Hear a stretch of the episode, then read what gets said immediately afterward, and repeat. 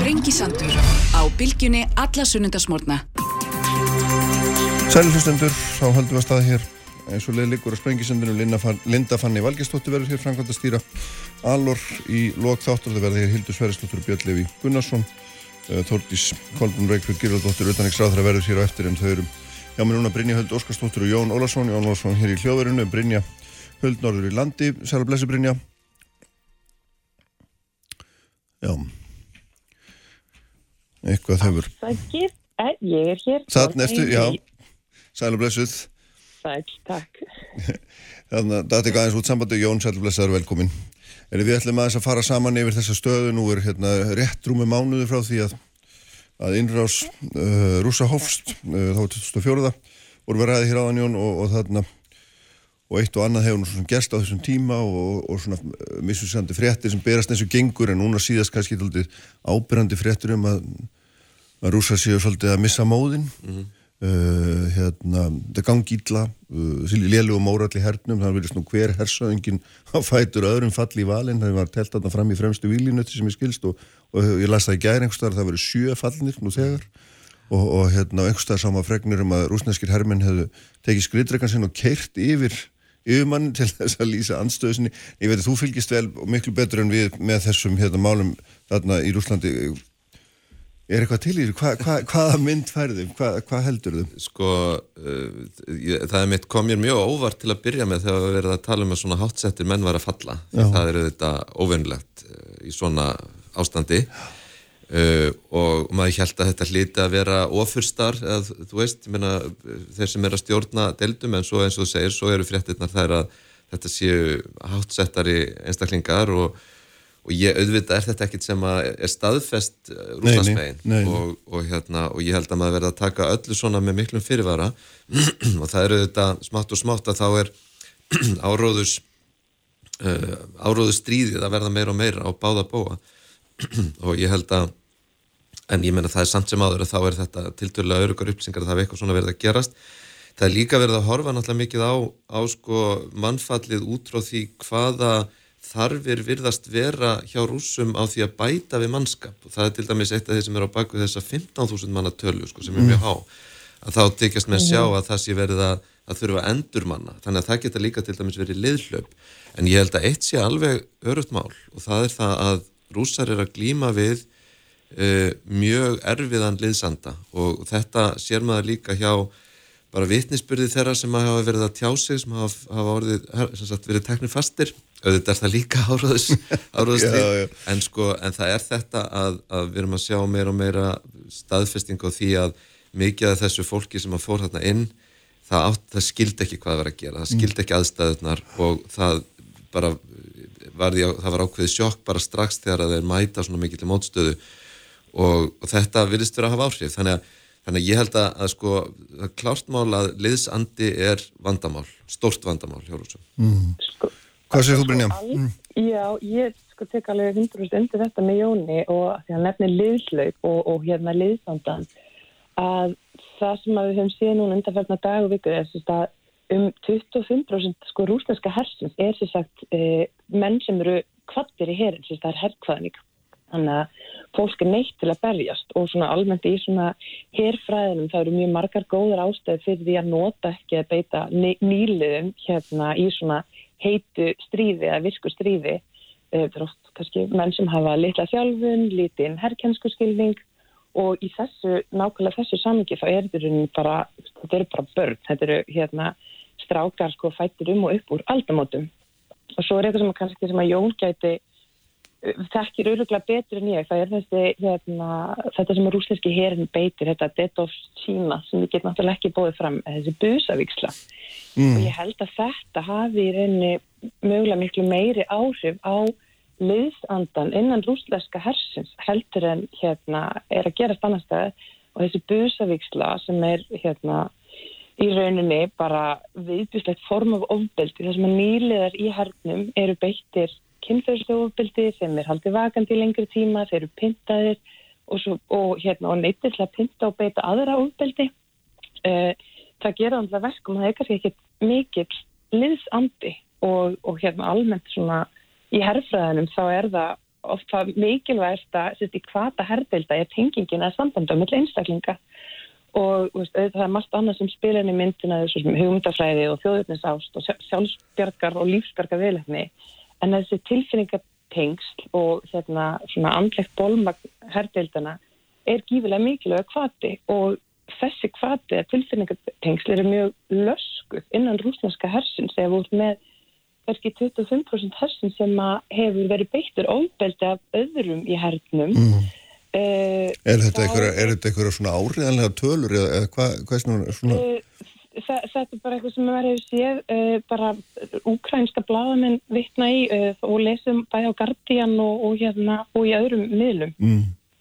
og hérna og þá er útrúlega auðvilt að spyrja myndir þú fórna lífiðinni fyrir eitthvað sem er beitti gróða ofbeldi og, og treystir þeim sem pyntiði þig til að bera hagðin fyrir brjósta á výgvellinum og ég myndi mér að þetta spili inn í hérna inn í þessa lið, þetta er móralin hér rúsneska hernum. Já, já, það er náttúrulega þekkt er það ekki er, í þessum fræðum líka Jóna að sko rúsar eru fræðir að beita svona miklu mannabla, fara með yfir miklu eðileggingu frekar en að reyða sig á tækni. Já, það er allavega loður við þá að mannslífin sé ódýrari. Já.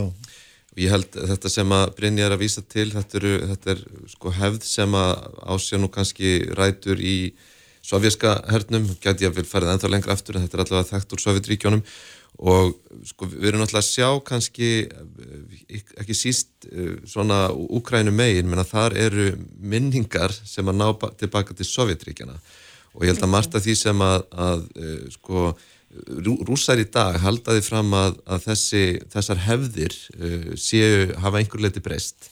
Þetta hefur verið mjög stórt mál í Rúslandi einmitt það hvað er farið ræðilega með stráka sem að, að þurfa að gegna hertjónustu og ég meina þeir koma gerðnan bara bugaðir úr svona, ég vil þú aldrei þurft að taka þátt í bardöfum þannig ég held sé að það er alveg rétt mat að, að, að sko þetta hefur valdið því að þú, þú getur ekki gengið að því vísu að þessi, þessir strákar sem að fara í svona miklu mæli þetta stríð úr beintur hökkvæðning og þeir séu á einhvern nátt undirbúinir fyrir það mm. Um, en eins og segi, það er svona, svona þetta hefur minkað eitthvað og ég held að maður getur kannski ekki alveg gefið sér að, að þetta sé eins hrikalegt í dag í, í hernum og það var áður. En ég tek hins vegar bara mjög undir það að sko í, í fjölmjölum í Rúslandi er, er ekki talað um það að það séu uh, ungir menn þarna. Er, þetta, er, þetta er sér aðgerð samkvæmt þeim mm -hmm. og það þýðir að það eru officerar sem eru í henni. Mm -hmm. En við veitum bara, við sjáum það bara af þeim sem hafa verið síndir, fallnir eða teknir til fanga. Það er, einmitt fullt af svona 25% eru næri lægi, sko. Já. Einmitt, Já. og eru bara litlir, litlir, sko, ég er mjög ungir strákar eða ungir menn. Já. En hva, hva, hvert, hvert leiðir þetta okkur þegar að hérna, það sem allir hafa alltaf miklar ágjur á, ég meina, hvað hva gerist þegar að yfirmennir í Kremla átt að sjá því að þeir ná ekki markmiðun sínum og, og, hérna, og þurfa að laumast heim með skotti á milli lappana, hvað heldur þú Brynja, hvað, hvað hérna, þetta er þessi risastóra spurning? Já, einmitt, uh, ég mynda mér og hérna, það er alltaf frekar auglust að Putin og Kreml uh, eiga mjög mikið undir því að rúsneski herin og að ráðamenni Kreml komi út sem sko bæði sterkir og strategískir og ekkit endilega bara í stríðinu núna í Úkræn heldur bara heilt á leitið. Uh, í mörg ár, áratugi hefur uh, stjórnvöldinu Kreml tekið það svona projekta því að hérna, herin þeirra sé sterkur og þessi hérna, góð vokn og svo framvegis og núna svolítið íður rúsneski herin og stjórnvöldinu Kreml álitsnekki og til langs tíma er það ekki gott af því að það bara breytir stöðu Rúslands eh, bara hérna næstu 5 árin, 10, 20 árin og hérna í rauninni það er rauninni ógerlegt að segja til um hvernig við munum bregðast þig og Jóna þetta sækir hérna innviðina innan Rúslands betur eh, og getur kannski spáð meiri spilin hvað, hvað kæmi innanlands í Rúslandi í framhaldinu. Já, ég meina þetta er alveg, alveg, alveg rétt sem þú ætti að segja sko, ég meina það er og það er kannski hægt jáfnvel að, að bara sko ganga svo langt að segja það, það að, að tapa einhvern veginn þessi stríði mm. það, er, það er nánast óhusandi það myndi því að einhvers konar meiri háttar uh, umbyltingar í stjórnkerfun ég á mm. mjög erfitt með að segja það fyrir mér að að Putin gæti haldið áfram eftir að öllum er ljóst að herrin hefur beðið þarna afhróð þannig að leitin mm -hmm. að sigur sögunni er hafinn sko. Og við sáum alltaf fyrir helgi daldið um það að hérna það var svona verið aðeins að endur skilgreina markmiðin sko, já, já, já. allt í hennu er aftur að bara verja Donbass. Og, og hérna þannig að sko kannski er eitthvað að gerast þar sem að, að gæti breytt stöðunni. En svo líka finnst mér mjög áhugavert sko, ef maður horfir á hérna, það sem er svona rúsnarku fjörmlandir að gera, sko, til að byrja með að þá var þá var voðalega mikið verið að segja bara þá sögu sem að rúsnarska auðvöld vildu segja en núna þá, þá er meir og meira snýst uh, meginströms fjölmiðla umfjöllunin um að svara uh, hérna falsfréttum Vesturlanda uh -huh. þannig að uh -huh. það mhm. þýðir að, að sko menn er að gera sér grein fyrir því að almenningur er að hefur miklu miklu meiri aðgang að vestrænum fréttum og vestrænum umfjöllun heldur en menn hefur viljað og þannig að, að áherslan verður meira að það er einn að grafa undan því. Til dæmis eh, þá sér maður svipaða myndir síndar frá Marjúpól þessa dagana og við sjáum bara með allt annar í sögu. Samkvæmt þeirra sögu þá eru það hérna úkrænskir nationalistar sem eru að eðilegja allt og drepa fólk og það eru þeir sem eru að sprengja húsin og svo framvegis. Mér finnst þetta alltaf breyting líka og akkurat í þennan þess að allt sem Brynjar að nefna sko, við, erum, við erum að horfa á svona ángist sko, í Já, vegna, vegna þess að þetta er bara farið að fara á verri veg á, á, á mjög hatt sem enginn hafi búist við. Já, já, nákvæmlega. Þetta er eins og Jónur að segja Brynjar að það er náttúrulega, náttúrulega óhugsandi fyrir menn sem er búin að tefla svona djart eins og Putin og hans kumparnar hafa gert að, hérna, að tapa þessu. Það er einlega það sem allir eru skýtrætti líka við því hverju er það viðbröðinu við, við slíku sko. Og, og, og, það er, já, einmitt, óhugsandi og þessi, þetta er einmitt mjög gott orð bara, það er svona angist komin í Putin og stjórnvöldi Kreml um, að það, það er ekki það er ekki valmöðuleiki fyrir þau eða þá, þetta er mestmægnismenn að e, að, að líti út fyrir að hafa tapast og hérna bara víst, af því að Rúslandi eða Putin er alltaf að hugsa í miklu lengri tíma heldur en kannski við erum almennt að hugsa í einhverjum kjörtímabilum hérna okkar, okkar megin sko. Uh, af því hann er með langtíma plan kannski fyrir Rúsland og þá að, að það hérna aðri leiðtóri heiminum og almenningur annars það sé búin átt að því að nei, rúslandski hérin er ekki af sterkur og, og við heldum að það breytir allri það breytir allir staðsetningu rúsa í alþjóða pólitík. Mm, og það er líka sko eitt af því sem hefur verið svo mikilvægur þáttur í allir valdatíð Pútens eru vinsældir hans.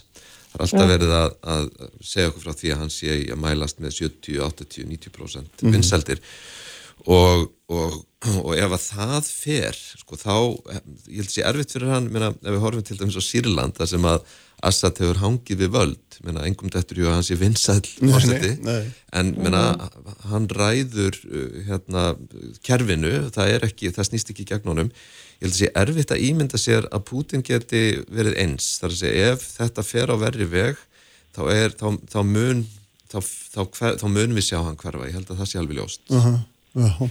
Það er nú stórmerkilegt. En hvað, hérna, víkjum aðeins hérna Víkjum aðeins sko sögunni hérna vestur yfir hérna að brinja sko að því að nú ser maður eiginlega bara hverju modni að þá hérna kalla ukrænsk eh, stjórnvöld á vestuveldin um meiri aðstof, meiri hernar aðstof, fleiri flugvilar ef einhverjar og, og svo framvegis og hérna og við erum alltaf mjög staðfest í því að að rúsar hafa bara skotviðilegu á Ukrænum, við förum ekki hérna og gerum ekki neitt og, og hérna hvað heldur þú að geti lengi, lengi svona þessi stað á þess að, að hérna, við drögumst eða vestuveldin drægist inn í þetta, er það bara útilokað þínum að því?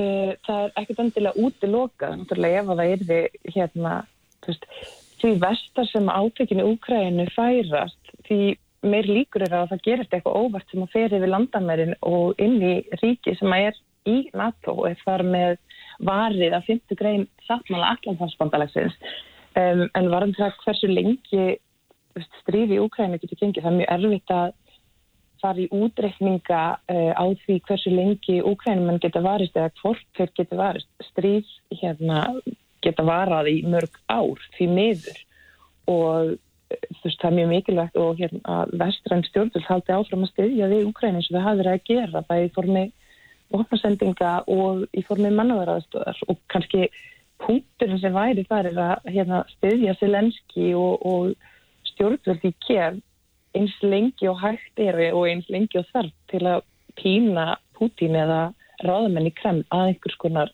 samlingavirðaði borði sem er síðan mjög erfitt af því að Kreml hefur verið að segja undan fyrir sólvinga eftir orð hérna, bandarækja fórsett í gær bara nei við erum að færast fjær og þetta er ekki til þess gert að, að tósa okkur inn mm. þannig að það er mjög erfitt að segja til um hvað þetta mun var lengi. Og svo líka sko að því að árangur Úgrænu byggir kannski dálítið á því að þeim, haf, þeim hefur tekist að stöðva uh, skriðdrega og annur slík faratæki mm -hmm. með þessum léttu hérna, kannu ekki nafnina þessu þessum uh, hérna, skottækjum sem að sem að er notið til að skjóta litlum svona skriðdrega varnar flögum og, og öðru slíku. Þannig að þetta er öruglega partur af því af hverju framrásin hefur stöðvast. Já. og það síðan hefur, hefur leytið þess að það er meira verið að beita stórskotaliðinu sko meiri fjarlag og skjóta eldflögum sagt, og, og koma með sprengjur úr lofti. Og, og við sáum náttúrulega núna bara það verið að skjóta á vestur hlutan í, í gær sko þannig að, að sko, við, það gæti verið aðeins sko karatebreiting þegar að, að þetta, þegar framrásin er bara í kyrstöðu eins og hún verðist vera núna. En kannski verið að, að nota meira þessi, þessi svona stærri vopn og, og hérna og rússar sko er að beita líka ónákvæmari vopnum, þeir eru ekki að skjóta svona hánákvæmum flögum, þeir eru að, að hérna, nota annað. Og svo er svona alls konar eh, verið að hérna, eh, það er alls konar svona pælingar í gangi í sambandi við til dæmis þessa hárhraðaflög sem að þeir segjast hafa notað sko en það er einhvern veginn aldrei alveg 100% staðfest af því að það hafi raunverulega verið gert sko. Já. þannig að það er svona, svona þessi þetta element er kannski að koma meir inn í þetta. Og það er spurningu þetta sko hvað þeir myndu ganga langt í því að bara reyna að eidilegja sem mest af sko Já. auðvitað snýst þetta þá um hernaðlega mikilvæga hluti mannvirki og annað Já, sko. en, en það get alveg verið svona einhver fasi sem að væri myndum sjá á næstunni mm. og ólíklegt samt sko þetta, þessi hryllingur í Mariupol er náttúrulega eitthvað sem að enginn vill endurtaka, menna rúsar vilja ekkert endurtaka svona annar staðar þannig að, að það er ekkert víst að þeir fari í þessar, þessar, þetta umkringja, að reyna umkringja fleiri en, en eitthvað svona sko meiri meiri loftárásir, meiri eldlögaskot og eitthvað slíkt sko. En því sterkar í sem staða úkrænumanna verður ef við getum svona, ef það getur verið þráður í okkar samtala þá hérna þá er þeir náttúrulega ófúsar að semja við rúsa því þeir finna eitthvað meðbyr og, og, og, þarna, og þar gerir náttúrulega alla samninga eiginlega algjörlega vonlösa því ekki fara þeir að gefa eftir hérna, í samningum eitthvað sem þeir hafa nú þegar, ég minna það er það er eiginlega jafn útlokað og Putin vilja tapa þessu. Einmitt, það, það, já, Þetta er rauninni rosalega sko, skrítin staða vegna mm. þess að, að hérna, retoríkinu auðvitað á báðabóður eins og hún er og síðan hver er nákvæmlega staðan sko, hver er, hva, ef að rúsar get ekki lengur sko ógnað eða hótuninum að til dæmis hérna, hernum að Kíef eða eitthvað slitt, ef hún er ekki lengur uh -huh. önveruleg, hver er þá hótunin, er hún fólkin í einhvers konar bombarderingu og, og, og það er líka, sko, ég menna þetta er mjög flókin staða og, og ég held kannski eins og segir sko að, að hérna freystingin fyrir úgrænumenn sko, að segja við ætlum bara ekki að semja Nei. við ætlum bara að reyka okkur að dompa sko. hlýtur að aukast já, já. en svo er þetta sko eðli í átökum og náttúrulega þetta stríðir mjög ennþá í samhengi við lengt annara stríðir, mjög stutt að veð komist en eðli uh, það gerist mjög oft þegar um leið og friðar viðræður eru í hérna bara nefndar eða eru í auksín þá oft herðast átök af því auðvitað vilja báða hliðar tryggja sér mm. að það getur komið sterkar að borðinu og það á sko, bæði náttúrulega við varnar hérna, varnarbáratu úkrænumanna sem og innræðs og herrúsa að geta verið búin að ná einhverjum ákveðnum svæðum áður en að önnur hvort hliðin segir á ok, við skulum, hérna, við skulum hittast og farið við málinn þannig að það er alveg og það getur alveg varðið lengri tíma þó svo að hérna, einhvers er búin að segja já við erum tilbúin að koma borðinu eða nei við viljum ekki að koma og svo getur það bara breyst mjög hratt mm -hmm. Það er líka eitt sem að mér hefur nú alltaf fundist vera, vera ótrúverðugt við rúsnæsku nálgunna þessum viðræðum sko, svo kalluðu mm. þegar að, að formaði þeirra samningarnemndar er eiginlega hálgjörðu trúður hann er ekki svona alvöru alvöru náðingi sem það segir sko. en ég myndi segja að, að, að hérna, maður þurft að sjá öðruvísi samsetningu af hópi sem er að semja. Maður fyrir að trúa það sé raunverulega sko. það er hérna Já, og, og, sí, og síðustu ykkur þá leit nú eiginlega út meira sko þegar að hérna, Kreml var að segja já, okkur finnst þetta ekki alveg miða og okkur finnst þetta ekki verið nógum til alvar í þessu. Að þá var svona leit eiginlega svona útbreyðs að þau verið aðeins að kaupa sér tíma. Mm. frekar að þetta virtist ekki verið að gert í góður í trú að gefa í skín að Rúsland vildi koma einhvers konar Nei, en það, það er hérna sko eftir því sem að þessu vindur fram þá svona þá, þá förum við hérna vestan, vestan megin að svona grafast betur fyrir um fórsendunar mm -hmm. og, og hérna og svona smám saman allavega fyrir þau sem okkar sem fylgist ekki með Rúslandi frá deyti dags þá kemur náttúrulega ljós að það er búið að vera að byggja hann upp einhvers konar hernaðar hyggju, mm. einhverja hugmynd um framtíðar hernað í mjög langan tíma og, og hérna mjög áhugavert til dæmis hvernig Pútin hefur verið að beita kirkjunni sérstaklega þessum tilgangi veginn og, og mér skilst að aðal, hérna, hvað ætlaði að heiti nú, patriarki eða hvað í, já. já, í rúsnesku réttrúnaða kirkjunni tali um að, hérna, að Putin sjálfur sé sko sending frá Guði og þetta sé og stríði sé Guði þóknarlegt það er búið að hérna, vikla hann öllu saman og búa til einhverju svona mynd sem er síðan blandin þessari gríðalög þjóðsíkju og þetta mm. hefur verið eftir því sem hann er skilist í uppbyggingu mjög langan tíma sko. Ég, ég verði nú að segja mig grunastundum að, að Kirill Blesaður, patriarkin, sé nú eitthvað farin að, að hérna rugglast sko því að hann er búin að tala mjög fyrðulega og hérna uh, sko hann var til að byrja með var mjög skeftiskur á aðgerðirnar í... En hann er mjög áhrifamíkil, er það ekki? Jú, jú, hann er já, það já. Og, og sko hann, kirkjan held sitt aldrei út úr þessu, svo eiginlega eftir að, að hérna patriarkin í Konstantinopel uh, viðurkendi úkrænsku réttunaða kirkjuna sem sjálfstæða kirkju, þetta gerist fyrir tveimur árum, að þá umhverðist hann mm -hmm. og núna til dæmis þá stendur hann algjörlega 100% með, með stjórnvöldum og hefur gefið yfirlýsingar í þá átt en, en svo er hitt að, að sko ég meina margir eins og ég og margir fleiri sem hafa verið að fylgjast með hugsuðið mitt fyrir innrásina að það væri eitt af því sem að gerðana ólíklega væri að það væri ekkit búið að gera fólk, undir, undirbúa fólk fyrir það að þetta myndi byrja. En svo eftir að hún byrjar þá áttar maður sér á því hvað maður var uh, óglöggur þess að, að uh, þetta er náttúrulega kallað öðru nafni og í rauninni þá er þetta búið að vera í undirbúningi í þessi átta ár síðan Krím var tekin, sem er segja kannski lengur en svona retorist að þá hefur auðvitað, og það er kannski eitt af því sem að, að maður ætti að, að hugsa um að, Vesturland ættu að aðeins að hugsa út í Rúsna stjórnvöld hafa óáreitt getað búið til narratífið um Krím og Donbass mm -hmm. heimafyrir algjörlega á þess að nokkur gerir aðtóðasemt við það Þannig að, að, að sagan sem að segir að, að rúsar hafi frelsað Úgrænu, nei frelsað Grímseg mm. og að í Donbass hafi úkrænsk yfirvöld alltaf sér að drepa alla rúsnesku mælandi íbúa og bara svona, svona fáránlegar sögur sko að þetta er búið að endurtaka í rúsneskum fjölmiðlum linnulöst í átta ár sem að gera þetta verkum að þegar að innrásin hefst að þá er ekkert mál fyrir fjölmiðlana að halda áfram með þetta narratíf eins og við mm. séð Já. þanga til eins og ég var nú að segja á þann sko að, að mér finnst merkilegt þetta þessi umskipti hvað uh, umfjöldlunin í Rúslandi er mikið farin að snúast um að, að svara eða, eða, eða hérna, draga í efa þar sem að kemur, ekki draga í efa segja að séu falsfrettir sem komur á Vesturlandi Já, okkur mm -hmm. Hvað heldur Brynni, er, er hérna, erum við að sjá nýtt í áttjald, heldur það verði kannski niðurstaðan að þessu maður veit nú ekki hugsa til þess. Uh, ég, ég óttast að niðurstaðan verði langt uh, og ljótt stríð í Úkrænu. Það er hildið svona sem að hérna, ég allan að óttast mest og kannski því, því samhengi veist, uh, kannski já, snýmur frá þessar spurningum ég, ég um játtjaldi. Ég hef sagt mér hættist við eða kannski er að e, fregnir af því að rústinski herin sé að beita og það sem er alveg vita að rústinski herin hefur beitt kynferðisóbildi hérna, eftir innlumum krimska um, og er líklega að gera það núna og sem er mjög algengt í stríði að kynferðisóbildi eða nöðgunum sem beitt sem einhvers konar vopni er að ef að það er að gerast núna og hérna þegar því lengra sem stríði líður og hérna því meiri verður þetta þjóðurðishópur á móti öðrum þjóðurðishópi og það er rosalega erfitt þegar þetta er orðið svona ethnic konflikt að þá er rosalega erfitt að sætta stríðandi fylkingar af því þá er þetta hægt að snúast um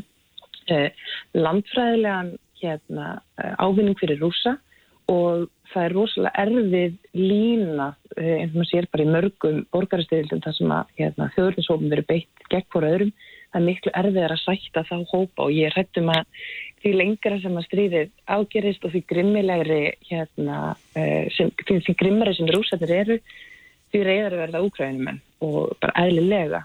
Og ég hrættum, hrættum hvað áhrif það mun hafa á framgang þessar stríðs. Já, þetta er hérna þetta er alltaf bara sama mynd og dregin upp í Júkoslavi fyrirlandi, þetta er þetta ekkert ósvipað sem að vera einhver svona, ekki ósvipað framtíðasín, getur maður sagt Jú, bara þú veist, það er bara algengt, þú veist, maðurinn hefur verið að breyta líkum um hvenna í víguvell síðan hann byrjaði að há stríð og það er bara hérna, og það hefur bara skjálfilegar afleðingar og mun gera það í þessu stríði líka. Já. Hvað er þú Jón, hvern, hvernig sér þetta fyrir þér? Ég, ég menna, ég óttast það sama og, og breynir að lýsa, sko, að, að við hefum eftir að, að sjá þetta dragast á langin með öllum þeim afleðingum sem mm -hmm. það hefur og, og hérna og En nú segja mér líka að þetta er stríð Pútins og, og við hefum heyrt það náttúrulega við veist, þessu líkur ekki nema hann hverfa vettvangi er ja, einhverja líkur á því? Sko ég myndi ekki ganga svo langt að segja að vera einhverja líkur á einhverju breytingu en ég finnst maður skinnja uh, breytingu á andrúnslofti mm. uh, Rúslandsmegin svona, svona miklu hluti sem maður getur er næmur á það uh, og, og ég held að, að sko, menna, það er verið að reyna að, að halda aftur af andstöðu við stríðsregsturinn með bara refsingum og ofbeldi, það er verið að mm -hmm. sækja fólk til saga fyrir að hafa látið í ljós einhverju skoðanir, jáfnveil bara í lokuðum hópi. Það verið að tilkynna fólk til lauruglunar sem er talið vera á móti stríðinu og svo framvegs og svo framvegs, menn þetta er bara gamla mm -hmm sovjerska, gamlu sovjersku reglurnar. Og uh, ég bara uh, sko, það er einhvern veginn ólíklegt að ímynda sér að svona uh, hérna, harðstjórn hún virki til lengdar vegna þess að, að meir og meir áttafólk sé á því hvað er að gerast í raun og veru og hvers konar, sko, hvers konar fáránleg ákverðun það var að hefja þetta stríð og eh, sko það mun hafa áhrif þegar að fólk neyðist til að horfast í auðvitað verðurleikan. Ég meina mm. núna kannski er, getur fólk aðeins svona ennþá hort framhjá þessu og sagt já, þetta er nú kannski svona daldið tvíbent en, en mm. trúa því að stjórnvöld muni nú mhm. leysa þetta sko. Mm.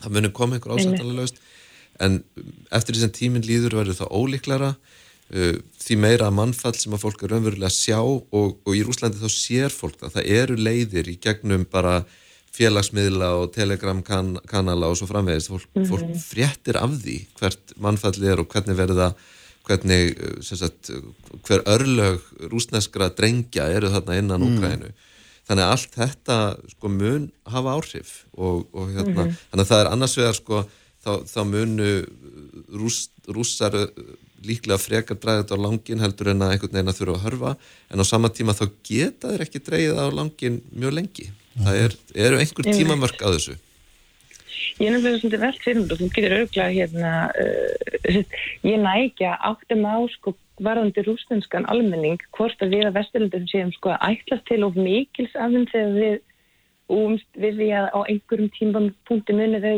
sko rýsa upp gegn Putin eh, af því að eins og þú nefnir þú veist að bara gífilegt harðaði á þessum mótmælastriðinu og það sístrangar í lögjöfum hvað má og hvað má ekki segja Mm -hmm. um, en ég næ ekki alveg að lesa í bara mun að gera uppreist gegn Putin líklegri eða mun að gera hann ólíklegri að því að náttúrulega þegar viðlögin við einhvers konar upprýstnir orðin svo svakaleg mm -hmm. að þá, já, ég bara þekk ekki rústinsku þjóðsæluna nægilega vel Nei, við erum að, hérna, Jón svaraði þessu eins, eins og getur og hérna svo verður það Já, ég held kannski sko ég, mér finnst ólíklegt að maður er eftir að sjá einhverja uppreist því veit, ég minna, mhm. fólk það var eitthvað alveg nýtt Við erum ekki að hugsa það, það er meira að, að, að andrúnsloftið í samfélaginu verður svo neikvægt að það verður eitthvað að gera. Það verður að fjarlægi Putin eða stokka eitthvað upp eða breyta einhverju. Ég held að sé þannig þannig breytingar sem það kemur upp nýr stalinismi með öðrum orðum og menn hverfa svona út úr herbergjum og spyrst ekki til þér aftur. Það getur verið sennar Herði Brynja, takk fyrir að vera með okkur takk fyrir að koma Já. Jón í hljóðverið. Þordís Kolbrún Greg Fjörg Gilvardóttir Utanriksráð þar verður hérna hjá mér. Við haldum aðeins áfram á þessum svipuðunótum Uppspretta frétta á Sprengisandi á Bilginni Aftmikil umræða alla sunnudaga. Sprengisandur á Bilginni Uh, Sælir afturlustundur, uh, Linda Fanni Valgestóttir sem er frangandistýra Alor verður hérna í lokþáttar, Hildur Sveristóttir og Björn Levi Gunnarsson verður það hér á eftir. En þau eru frá, frá með Brynja Völd Óskarstóttir og Jón Ólarsson en sest er hér Þordís Kolbrun Reykjörg Gilvardóttir Uðarriksraðra, sæl og blessu og velkomin. Takk fyrir. Langaði aðeins að hérna halda þessari umröð áfram þetta þá svona kannski frá þessari pólitísku hlið en ég veit ekki það er, það er ekki sangjart en, en samt hérna, mér er svo áhugavert það sem að Pólski sendiherran sagði í viðtali við heldur örgulega freka frettablaðin Moggan í gær að sem hann spurði þessar einfjöld spurningar hvað gerist ef að rúsa ráðast inn í Finnland? Mm -hmm.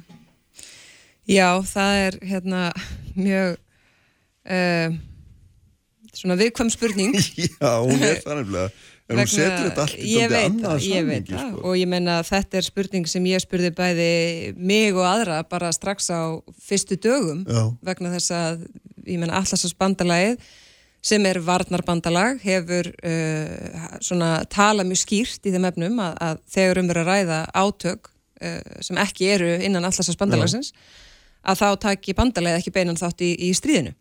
Og það hefur bandalagið ekki gert heldur hafa einstaklega ríki verið að, að senda uh, vopn og svo þetta öll mann og rastóð og, og annað slikt uh, þannig að sko ég meina Finnland er uh, mjög náinn svona samstarfsaðili allarsas bandalagsins og eins og Svíþjóð og ég raun hefur núna það samstarf aukist enn frekar þannig að þau eru sko svona alveg raunverulegu partner og það eru svona verið hérna virkið svona ákveðin uh, element inn í, inn í hérna samningnum eða samtmálanum um, þannig að það, það, ég, ég þór einfallega ekki að segja Nei. til um það en, Nei, en það myndi horfa mjög Já. svona, ég held að veist, það er, er því augljóslega mjög sársökafullt fyrir úkrænsku þjóðina ef að sko, ég meina Finnland er ekki NATO nei, nei. og Svíþjóð er ekki NATO. Nei, uh, sem kannski skýrir líka en þessa við... miklu umræði sem þar er í þeim tömur löndum Já, já, já nákvæmlega. Og að því að við vitum líka að Norrlöndin sjálf myndi aldrei samþykja það að finnum og sújum er ekki komið til aðstóðar ég held að það er bara gríðalega langsótt að ímynda sér að normenn segðu hérna, já nei, mm. því miður við skulum og, bara býða. Og þess vegna líka sko, ég meina þú, maður finnur alveg fyrir þessum svona á, það er ákveðin munur í svona eðli samtalsins og svona veit ég hvort maður segja tilfinningu eða bara svona forsendum og mati og öðru slíku þegar maður hlustar á Estrasaltsríkin sem er kannski svo litið eins og við talum við sko Norðalöndin gagvart Finnlandi, við talum við Estrasaltsríkin gagvart hérna Úkrænu mm. ég menna og, þa og það snýr náttúrulega líka að bara öryggi Uh, fólksi sem þar býr sko, almenna borgara þar, ég meina mm. hvað áhrif myndi það hafa á almenna borgara á Norðurlöndum ef, ef eitthvað hérna breytist út í Finnlandi eða Svíþjóð já, já. en það er auðvitað mjög hérna bæði erfitt og kannski óabyrt af auðvitað ríkisráþara að tala sig út um slíkar mögulega sviðsmyndir en, en ég meina þetta er, veist, hættan er þarna Já, hún er það svo augljóslega og hérna og mér finnst það bara svona merkileg pælinga því að hún snýr þessu allar á kvolv hún gerir það. Ger það en sko hvað svona hérna þegar þú ert í og því, ég veit að þið eru náttúrulega andun svo miklu sambandi út í Evrópu mm -hmm. finnst þér svona eru menn með þetta undir kontról eða eru bara allir skítrættir og ótastleiknir og hvað svona hvað tilfinningu færðu þegar þú sko ég held að sko fólk almennt og, og, og nú er ég náttúrulega búin að vera mjög oft í raun í, hérna, á þessum NATO-fundum, bæðið sem auðverkisráþara og sem vartamálaráþara, þannig Já. ég er svo eina sem er þarna með mismunandi hópu fólks fyrir utan Jens Stoltenberg og þeim. Uh, og svo með áleitufundi með Katrínu, þannig að þetta er all margir fundir um, og það er sko, það hefur raun staðist það sem búið var að vara við, þótt kannski ekkit meiri hlutin hafi raunverulega trúið að þetta myndi gerast. Mm að þýleitinu til hef, hefur fólk verið með þessa svona yfirsýn og upplýsingar og getur til að greina og leggja mat á stöðuna eins og hún raunverulega var. Um, en, og það er, ég meina það er einhugur og samstaða, ekki engungu með ukrainsku þjóðinni, heldur líka í því hvað eigi að gera. Það er, það er mögulega eitthvað miservitt svona fyrir fólk og svo er náttúrulega pólitíska staðan heima fyrir svo ólík. Já. samtölinn við, við, við sko almenna borgara í hverju landi fyrir sig er bara rosalega ólík. Allt frá áhrifum efnaðstvingana yfir í hversu mikið þarf að gera yfir í líkundur á því að þetta einhvern veginn brótist út og þá er það meiri líkur á það lenda á almenna borgurum í öðru löndum með heldur en til að mynda hér á Íslandi. Um, þannig að sko mér finnst fólk það er gott, veist þannig að þýleitinu til finnst mér svona almennt við vera með þetta undir stjórn þannig mm. séð.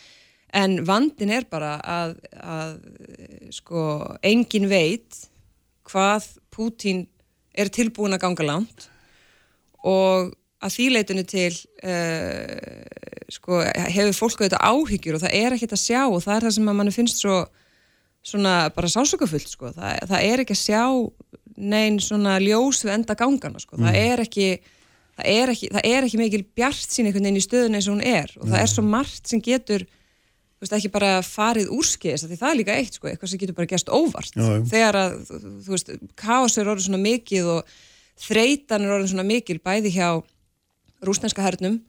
Uh, mórallin er sagður og ég held að það sé rétt. Mjög þungur og erfur hjá rúsneska hernum. Uh, þú veist, hugrekkið og baráttu þreki hjúkransku þjóðunni er svona ómælanlegt mm. og eitthvað sem að þú getur ekki talið ykkur um vopnaburði. En þreytan auðvitað líka segir til sín þar, ég menn þetta, þetta er orðið mánuður Já. og maður heyri það bara þegar að svona leðtóðar Úkrænu eru að ávarpa hvort sem það er hérna allarsasbandalagi eða Evrópusambandi eða einstakka þing eins og Selenski hefur mjög duglegur að gera og aðri ráþur að líka, auðvitaðrikiðsáþurann, vartamálar ráþurann og fleiri að það finnur alveg líka svona þess að það er aukinn svona segja, örvending en allavega svona sterkara ákall já, já. og það má líka hugsa sko, ég menna það ein leið til þess að neginn, taka yfir er ekki endilega bara með landvinningum heldur líka með þessari svona íslensk orðið sér þreytustríð bara þreyta hérna úkræðska herin og almenna borgara til uppgjafar sko. en þau hafa verið algjörlega skýr alveg sama við hvernig er talað mm. og við hverja þau eru að tala mm. að það munið aldrei gera, mm. aldrei nokkuð tíman og það er algjörlega aðdánavert að fylgjast með því en, en auðvitað ósvæmlega sásökufullt líka Já. Hvernig, svona, hvernig horfir þetta við hérna innanlands og það sé nú ekki stærsta mál í heimi en, en við erum -hmm. ennþá með rúsna sendiráð -hmm. hvernig eru, eru svona hérna, ég veit að minn hafa sagt að það var síðasta sem minn gerði verið að slíta á diplomatísk samskipti eða stjórnmálarsambandi svo það heitir nú vist mm -hmm. eh, hérna, minna, hvernig eru samskiptin? Er þau einhver, er einhver, er einhver kanall opinn? Samskiptin eru mjög, mjög takmörkuð um, við náttúrulega lásum það að það var kvarta yfir því að yfir orðum uh, segur að ringa um daginn menn að það, þú veist, svo melding skilja sér sko.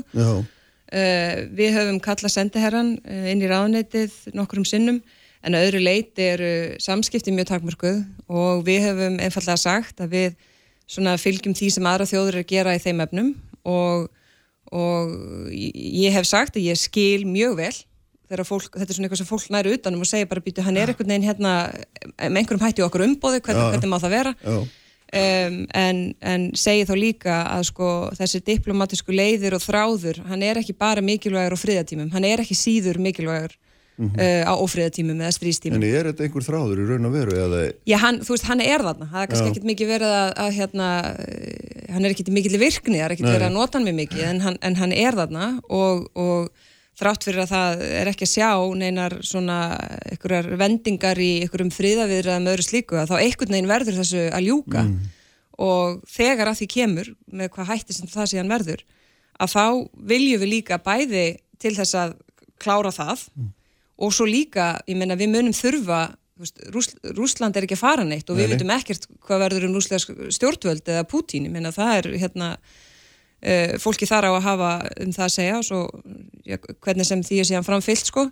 En hérna þannig að þú veist Rúsland er og verður þarna og við munum þurfa að, að sko lifa með því og eiga mm. í einhvers konar samskiptum hver sem þau síðan verða. Þannig að þýleitinu til og við eh, eigum nú í mjög mikilvægum samskiptu við það, sem er nú merkilegt að við erum með þeim í Norðskjöldsráðinu, þar sem Já. þeir hafa nú hvorki meira minna formun sko að haft það nú síðan í, í fyrra. Já, við, þau tóku við af okkur, við, við vorum þetta með formunsku og svo taka hérna rúsar við formunskunni uh, eh, og við bara í alvörunni bundum vonum við það að það myndi ganga vegna þess að þegar að við heldum hér á, á utanum formensku norðskjöldsræðins hér á Íslandi að þá gekk það mjög vel og því var synd bara miklum sóma og samstarfið þar við rúsa gekk líka vel.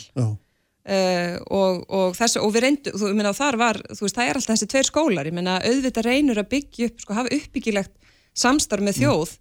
þrátt fyrir alls konar deilur og annars líkt og sérstaklega vegna þess að stefnumótunin í norðskjöldsræðinu hefur verið að þarna hátt í norðri sé samt sko lág spenna. Og það sé ekki verið að innleiða allt hitt sem er vandamál inn í það samstarf. Og þetta er auðvitað mjög miklu leiti til sko vísinda samstarf og ég meina þarna býr sko fjöldinallra fólki. Uh, þetta eru reysastóra áskarðan sem takast þar á við mm. og það er ekki takt að bara, ég meina við höfum núna sagt það er bara komið í rauninni, það hefur ekki hlið á samstarfi. Já. og það hefur ekki verið tekið nýja ákverðun uh, Það er komið formleitt hlið Það er komið formleitt hlið og, og við erum ekki að funda Mm. ekki bara þú veist við ráþarar heldur bara það eru, það er bara hlýja á samstarfinu. Já, bara öllum verkefnum og, Já, já, og, og, en ég meina þau fara heldur ekkert þannig að við munum þurfa að leita ykkur að leiða til þess að já, fara fyrir fólki Já, það er svona merkilegt eða merkilegt að bara fyndið að lesa síðan yfirlýsingar rúsa um, hérna, um markmið þeirra þar sem þeir eru, þetta er svona hérna, fallega lofrulla um samvinnu og, og auk, dýfika vísindastarmstar og allt hvað heitir og er þetta er hérna mm -hmm glæsilega orða allt saman. Mm -hmm. en svo hefur maður líka séð að hérna, Medvedev sem var nú þarna uh, næstræðandi Pútins hann sko snýrið svo öll á kvalv og sagði að Norðslóðina skiptu fyrst og næst máli fyrir rúsa upp á hernað. Það var aðladrið í raun og veru. Þegar það var að fara bara krókalegir þarna. Og það er líka sko við höfum alveg átt samtölu um hvort að það sé rétt stefna að tala um sko hátt í Norris í láspenna mm. uh, og það hefur verið spurt, ég minna hvar á ræða öryggismál ef ekki í Norriskuttsáðinu og, og hérna og þegar að svona hlutindi gengu vel að þá, þú veist, var það ágætt sko, en þegar síðan þessi stað kemur upp, þá þetta spyr maður sér, byrju hvað á þá ræðu örgismál og hvað verður þá norðskutsáðu til lengri tíma? Mm. e, á að mynda annan vettvangu utanum það og mynd það ekkert en ekki flæða milli og svona, nú er ég bara e, þú veist, þetta er ekkert einhver ofinbér stefna en hefur, hefur hún ekki verið mótu hvað aflengar þetta hefur. En Nei. ég bara segja svona frá hjartanu sko, maður reynir að lesa í hvað, hvað aflengar þetta mun hafa. Og líka vegna þess að eins og þú segir, ég menna þau, þau hafa verið eða þeir hafa verið mjög skýrir með það hvað þeir ekki gerast þannig mm. uh, þeir sögðu líka mjög skýrt að þeir ætlu alls ekki að ráðast í Ukrænu já, já. og þeir gerðu þann síðan, þannig að þeir lugu þar. Já, þannig að hvaða, hvaða afleðingar hefur það síðan á annað mikilvægt samstarf annar staðar sko. og hvaða afleðingar hefur þetta síðan allt saman samanlagt á hér fræða hagsmunum að Íslandinga um hvar við stöndum Já. best í, í jötaringismálum því nú er svona svo umræðið að komin á fullt aftur með mm -hmm. hérna ímsum skotum í hinnar og þessar áttir Jújú, hmm.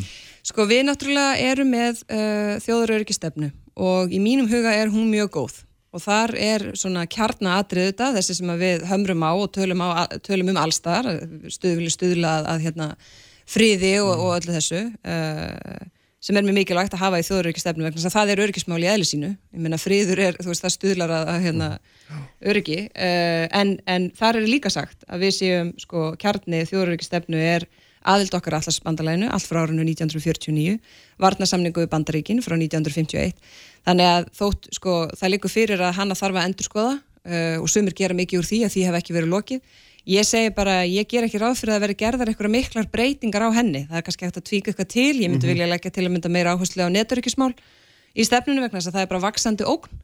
Um, en það verðingar, sko, ég tel ekki, uh, við munum sjá okkur miklar breytingar í því. Hún er síðan almenn, þannig að það er mikið svigrum til þess að, að vera í raun, uh, þú veist, algjörlega innan hennar, en taka miða því sem er að gerast. Ég minna það væri óábyrgt í mínum huga að endur meta ekki stöðu okkar hér uh, hvort sem það eru sko, umsvið á og fljóvelli mm -hmm. við erum með kábóta eftirlit við erum með loftrými gæslu, við erum með ímislegt uh, en, en hérna, ég menna okkar heimsluti sko, öryggis og vartmál, það, það er bara breytt Já, já. og jáfnveil þó stríðinu myndi ljúki næstu viku sem það er ekki að fara að gera þá, þá, þá er það samt breytt þannig að ég tel mjög mikilvægt að við sko, þetta, þetta kalda hagsmunumat á stöðu okkar hér og líka Ég meina, við erum á strategist mikilvægu svæði. Við höfum hlutverk að gegna til þess að stöðla að því að við vitum hvað gerist í kringum okkur, ekki bara fyrir okkur hér og öryggi okkar, heldur líka fyrir svæðið og fyrir allast að spandalæði. Mm. Og við erum raunverulegir mm. þáttaköndur í því hérna, samstarfi Já. og eigum þar að leiðanda að vera tilbúin að gera það sem þarf til þess að bregðast við algjörlega breyttri hérna, heimsmynd hér, Já, þannig er það bara Þannig að þessari værukerði útæringsmálum sem hefur verið hefur undanfærin ár henni er lokið í bylja að mistakosti, það er, mena, það er alveg ljóst. Já, það hefur, sko, ég meina, ef maður horfið tilbaka, þú veist, umræða um auðaríkismála í Íslandi hefur verið, þú veist, hefur ekkert verið mjög mikil mjög og við lítið, höfum, já. já, og maður horfið sem þú veist, bara lítur í kringu sig, ég meina, við erum, við höfum tekið svona þessu, þessu frið og ró, bara sem svona, kannski svolítið sjálfsögum hlut, sjáum síðan núna svo er ekki, en þá er líka gott að finna, bæði að þakka fyrir segi ég sko, mm. þakka fyrir það sem að hérna, fólk tók ákverðin um hérna fyrir mörgum, mörgum áratöfum síðan og höfðu þá bæði sko vit og domgreind og svona skynsanlegt mat á bara tilveru okkar hér. Uh, og það fór aldrei neitt. Þannig að þrátt fyrir að við hefum ekki mikið verið að kannski ræða þessi máli einhvern veginn og dýftina og hvort þingjunu eða annar staðar uh, að þá hérna er þessi mekanism allir til. Mm -hmm. veist, við erum með vartansamning, við erum í NATO við erum með hérna sko vartanlaugin og þau, þú veist, það eru þau verkværi sem við þurfum, þannig að þetta er ekki þannig að við stöndum allt í einu á gat og þurfum að fara taka reysastóra ákvæðanir um einhverju aðild eða smíða einhverju lögjöð annars líkt. Þetta, þetta, þetta er þarna og þetta hefur verið þarna. Það má segja að við séum kannski að taka, grípa svona til þessara uh, svona viðbrasketu okkar og, og eigum þá að bara tala um það eins og er. Merkilegt er í þessu, ef mér er alltaf finnist þetta merkilegt, er það að þjóðin hefur aldrei verið spurðað í hvort hún vilji verið í NATO. Og, og hvort hún vilji hafa varnarsastar í bandringin, hún hefur aldrei verið spurð. Nei, nei aldrei nokkur tíman og þarna ekki frekar eins og margt annað getur maður sagt en, í þessum öfnum sko. og hún hefur, ég menna þetta, þetta hefur verið svona ég veit alveg hvað skoðanir kannar á sætti gengum tíðin já, en þessi já, spurning hefur aldrei já. verið lögð fyrir, fyrir okkur, þetta er mjög stórt svona almennt talið sko fullveldis framsæl þegar þú framsælur varnir lands mm, mm í mhm. hendur annar og þjóðar til dæmis mm. Já, já En þá, já, já, og ég menna ekki, ekki, ekki þætti mér erfitt að taka, þú veist, bara það samtal við almenning, sko, vegna þess að... En það er svona bara í ljósið líka bara þess, þessara hugmyndur um, sko, um Evropasamhansæðið, af því að já, þá er líka já, verið að tala um það. Það er ómikið vesinn að spurja þjóðin eins og formaðurinn þín saði. En ég, ég segi líka, sko, eh, þú veist, ég menna, við, við, við tölum mjög oft um það að við séum, sko, herrlaus og, og svona, seg, það er mjög, mjög algengt í öllum samtölum uh, og, og meðalansvegna sem við erum svo friðelskandi. Og ég hef svona verið að segja, herðu, ég menna, það við erum ekki við erum ekki eins og eitthvað betra fólk að þið verum friðelskandi sko. og við getum verið mjög þakklátt fyrir það að vera ekki með hér og þurfum ekki að senda hérna, börnun okkar í herrafingar eða jafnvel þann að vera í stríð. En við hefum samt ekki gort okkur að því vegna þess að, að jú, það er, það er, það er eitthvað svona framsal. En ég meina við, við, veist, við höfum ekki getur til að standundi í sjálf. Þannig að, þannig að sko Guðsur lof að, að þessi ákvörum var tekin árið 1949 og hefur hérna og maður finnur það, ég segja fyrir mig ég, minna, ég er bara þeirri kynslu og ég taldi bara þú veist, ég hef ekki trúið einhvern veginn að við værum komin í þann veruleika að það væri stríð í þarnasta landi og maður horfir einhvern veginn á börnum sinni ég, þú veist, hver, ég hef ekki trúið því að ég myndi horfa börnum minn hugsa hvernig verður þeirra framtíðilega? Þú veist, ég vissi að hún er þið maður getur að, gefa sér sko, já, flestir nák bara nákvæmlega sama stað með þetta. Þetta var náttúrulega með búið að afskrifa þetta eftir grunnsóðuríkina, þetta var og svo kjánlegt að hérna... og svo eru einstakar rattir uh, sem að hafa haldið þessu lofti og jáfnvel þannig að þú veist, einhver hafa sagt herðu, þetta er ekki orðið ágætt? Ég meina, þú veist, Björn Bjarnason hefur til og með þetta bara aldrei hægt að skrifa um nei, nei, nei, og, hérna, og sem betur fyrir er maður líka með sko svona, Já. það er resilience í, í ákveðnum hérna, einstaklingum en, það er, það er, mann er haldið vefnið mm. og, og það er bara, það var greinlega einstað fyrir því. En sérðu fyrir þér að svona, þetta samstarf okkar eða hvað maður segja þáttakokkar í NATO hún munum einhverjum hætti aukast að við styrkjum þessi band vestur um haf og þar með talið þá líka að við förum einhvern veginn dýbra inn í Evrópu til dæmis mm. til þess að bara búa okkur til svona öryggis, sterkari öryggisjúp Ég uh, gerir frekar áð fyrir því að, að svona samskipt okkar við NATO muni aukast vegna þess að ég sé bara þau hafa þegar gert það. Uh, bæði á auðryggisáþurra levelinu og varnamála og, og svo eru við auðvitað með hérna, leðtófundi og ég minna nú er haldin auka leðtófundi mm. með viku fyrir sem ennum er ekki gert með margra mánuða fyrir og jafnvel mm. hérna ári um, og við höfum svona líka eitthvað fram að færa. Ég minna við erum ekki að fara að byggja upp hér en við uh, erum með ákveðna svona viðbrasketu, við getum byggt upp þótt að taki tíma, ég menna við þurfum til að mynda ebla okkar svona netöryggi hér heima fyrir, en það er veist, sem vaksandi óg bara enn í næstu ára og tíi, að þá er það eitthvað sem, að, sem við gætum byggt upp getu. Við erum hér með sko öflugt, þú veist, hugvit, við erum með ákveðna svona ákveðin öflug hérna fyrirtæki getu til þess að byggja upp ykkur á þekkingu sem síðan hérna hægt er að sko nýta innan mm -hmm. bandalagsins, það tekur auðvitað tíma en, en það þarf líka að vera með eitthvað svona sín og stefni í því. Ég, mér finnst það bara mjög mikilvægt bæðið fyrir okkur og bara fyrir það að vera, þú veist, við erum þjóð meðal þjóða, við erum virkið þáttakendur í NATO og þegar hlutinni breytast og það, hérna, þá eigum við að hugsa, betur, hvar komum við inn í það mat? Um, síðan í sko, samstarfi með Evrópu sambandinu og Evrópu löndunum, þá erum við með EES-samningin sem er svona uh, kjarnin í okkar samstarfi og það er síðan núna að talað um sko, eitt er að segja að gildi okkar og Evrópus sambandsins séu þannig að við eigum að, þú veist, fara eitthvað neginn nær þeim. Mm. um, við, ég með segja við gerum það í gegnum eða-samningin og svo er hitt þegar kemur eitthvað svona öryggis og varnamálum og eitthvað svona getur þeirri alltaf að fara að byggja upp eitthvað hér og eitthvað. Ég hérna, ég ger ekkit aðtöðsundi það að Evrópus sambandi leiti leiða til þess að þú veist, bara sinna sínu málum sko, ég, meina, erum, ég er en í dag er það þannig að 80% af fjármagni í Atlasasbandalæinu kemur frá löndum utan ESB.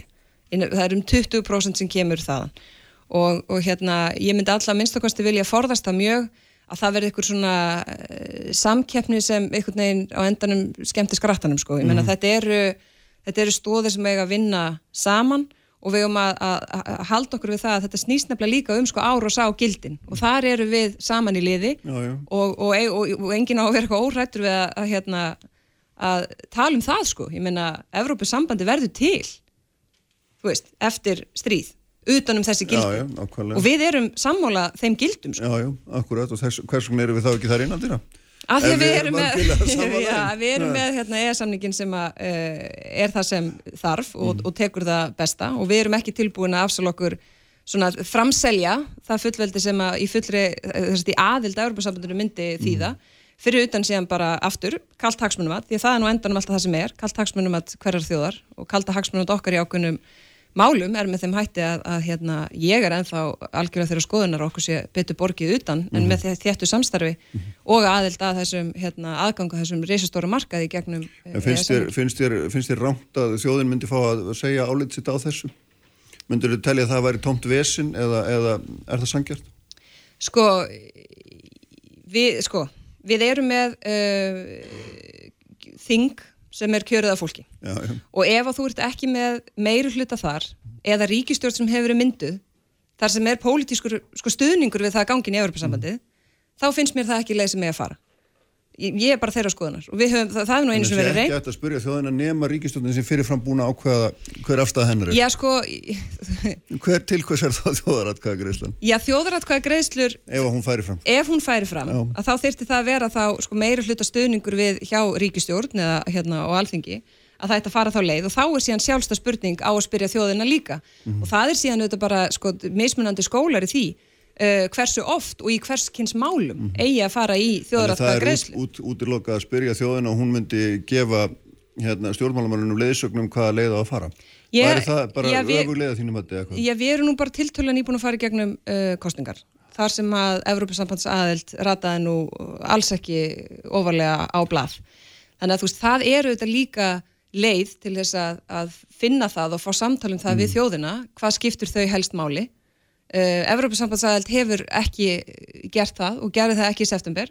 Og ég áttum alveg því, menn ég, ég sé alveg og það eru skoðan og kannum sem sýnir að það er að hérna Uh, já, við þurfum meira að breytast. Þú varst sjálf að tala um að þetta væri stað þar sem við þyrstum að sko endur skoða hagsmunumættu okkar í grundvallaratriðum. Og já, þetta hlýtur þá að vera eitt af því ásand og auðvitað NATO og nánara samstarfi Norrlundunni, ég veit ekki hvað og hvað. Já, en ég er algjörlega á þeirri skoðun að, að hérna, líðræðslega kjörin, uh, kjörið þing og ríkistjórn þurfi að hafa skoðun á því áður mm. en þjóðin er síðan spurð hvort að það er sækjum uh, aðild að Európa-sambandinu. Það, það er alveg klart, hitt, ég held að hitt sé bara leið sem hérna... Er hinn fræði politíski ómöguleiki eða hvað? Nei, það heitir bara, bara líðræði sko, veist, ég meina, ég, ég, sko, það, það er kannski óvinnselt að segja, en, mm. en hérna, þú veist, þjóðaratkvæða greiðsla, það er líka bara mjög vand með farið fyrirbæri, sko. Veist, ættu við að fara í þjóðaratkvæða greiðslu um allt eða sumt, er það ákveðin stærð, er, það ákveðin eðli og hvaða, ég meina, við þurfum þá, þú veist, það, það er, það, hérna, uh, og, það, og það snýst ekki um það hvort maður treysti fólki til þess að taka, sko, þú veist, ég, ég segi bara, það er ákveð hlutverk sem alþingi hefur og ríkistjón hefur hverju sinni. Ég tók að mér það hlutverk mm. og svo kjósu við og við eigum í samtali hérna við fólk en ég held að það sé ekki pólitíst hugur ekki að segja að öll alls konar mál eigi reglulega að fara í þjóðratkvæðgreyslu og svo einhvern veginn gerur við það sem hérna, þar segir ekki frekar en að, að veist, meni, við, við, við fylgjum ekki því sem kemur fram í skoðanakönnun hverju sinni mm. þetta, þetta En hittir nú aðeins veiga meira náttúrulega? Algjörlega, algjörlega, en ég segi bara þú veist, það er, er líðræðslegur hérna, kjörið þing og ríkistjórn sem að á að uh, hafa Þannig... sín og mhm. stefnu, stjórnarsáttmála og, og hérna, taka ákvarðanir. Og ef að það er ekki meiru hluti fyrir því til þess að, að uh, sækjum aðeld að Europasambandinu að þá bara þar við situr þánga til hérna Þánga til þingi breytist. Já, þánga til það er kosið að nýju sko. En hvað er svona rétt ára við hérna lokum þessu, hvað, svona, hvað, hvað blasir við á okkar hálfu núna í, í þessum úgrænumálum er, núna alltaf vitum við að við erum að taka móti þónungum mörgum flótamönnum og mm -hmm. þeim er að tala líklega þeim fjölgi jafnvel, ja, mjög líklegt að þeim fjölgi verulega, Já. en erum við eitthvað annað að gera er eitthvað annað í bíkjir, einhver mannúður aðstöð eitthvað sem er, er er hérna í frásögu færandi? Já, sko, við hérna gerum þetta ráð fyrir því að taka móti talsunum fjölda og, og, og svo sér maður stundum að það sagt, sko, já, Danmörkur taka móti, telja sig þurfa að taka móti 100.000, normen alltaf kannski taka, eða ætla, já. gera ráð fyrir 75.000, það er engin tala vegna þess að við breytum lögjönu þannig að fólk getur komið. Um, 75.000 sko til Norex er á við 2500 hér, já. þannig að bara svona við setjum það í, í samhengi. Um, síðan getur við tekið sjálfstæðar ákvarðan til að mynda hefur, hérna, ég menna staðin í Moldófi er bara ofsalega, ofsalega viðkvæm mm. þar eru, þú veist, það, það er eins og við varum að taka mótið 20.000 að hinga, sko með að við fjölda þar, fyrir þetta að landsframlýslan þar er náttúrulega og getur eiginlega snúið því við, sko, mm -hmm. veist, þau eru hérna, með veika innviði og, og, og, og svo framvegist, þannig að, veist, það er líka spurningum, sko, á að létta undir með því að bara sækja, bjóða það, sækja eitthvað fólk um, svo er umræðið með svona viðkvæmari hópa Já. sem að hérna eru margskonar. Við vorum uh, að tilkynna, eða Katrín hérna sagði frá því að, í, síðust, í síðustu viku eða í liðinni viku að það er viðbótar framlag í, til mannúarmála og þar höfum við verið að setja í gegnum bara þessa kanala sem eru á vettvangi og geta komið til aðstofar um, og svo er spurning hvernig við endur metum síðan svona þessi öryggis og varnamál og, og hérna framlög í það, ég meina mm. við erum hvort sem það er, veist, það er gisturíkja stuðningur á keflækuflúðli, það eru neturökismál, uh, eh, það hefur síðan, þú veist, það er engin ákvörð sem liggur á mínu borði um, um hérna einhverja framkantur á, á í Keflavík uh, en, en ég meina maður sér það þegar að ekki einu snum bara tengt sko Úkrænu en sérstaklega kannski eftir það það séum svona meiri líkur um minni á að eitthvað slíkt komi upp og þá segi ég sko það er nú svona í mínum huga að minnsta sem við getum gert mm. að veita eitthvað heimild fyrir hérna, ríki til þess að sko, byggja upp eitthvað getu til þess að bregðast við uh, ástandi sko. Ja. þannig að ég myndi að segja að þetta væri svona það helst að svo skiptir bara miklu máli að við, við gerum þetta sóma þegar við tökum á móti mm.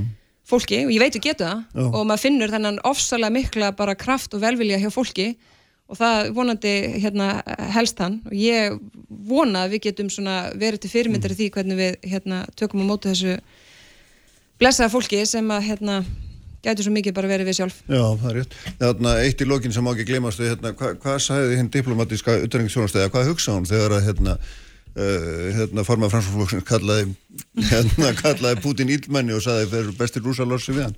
Þetta er nú ekki, ekki mjög vennilegt. Mér er að Joe Biden þorir ekki alveg að halda þessu fram, hann drefur í land.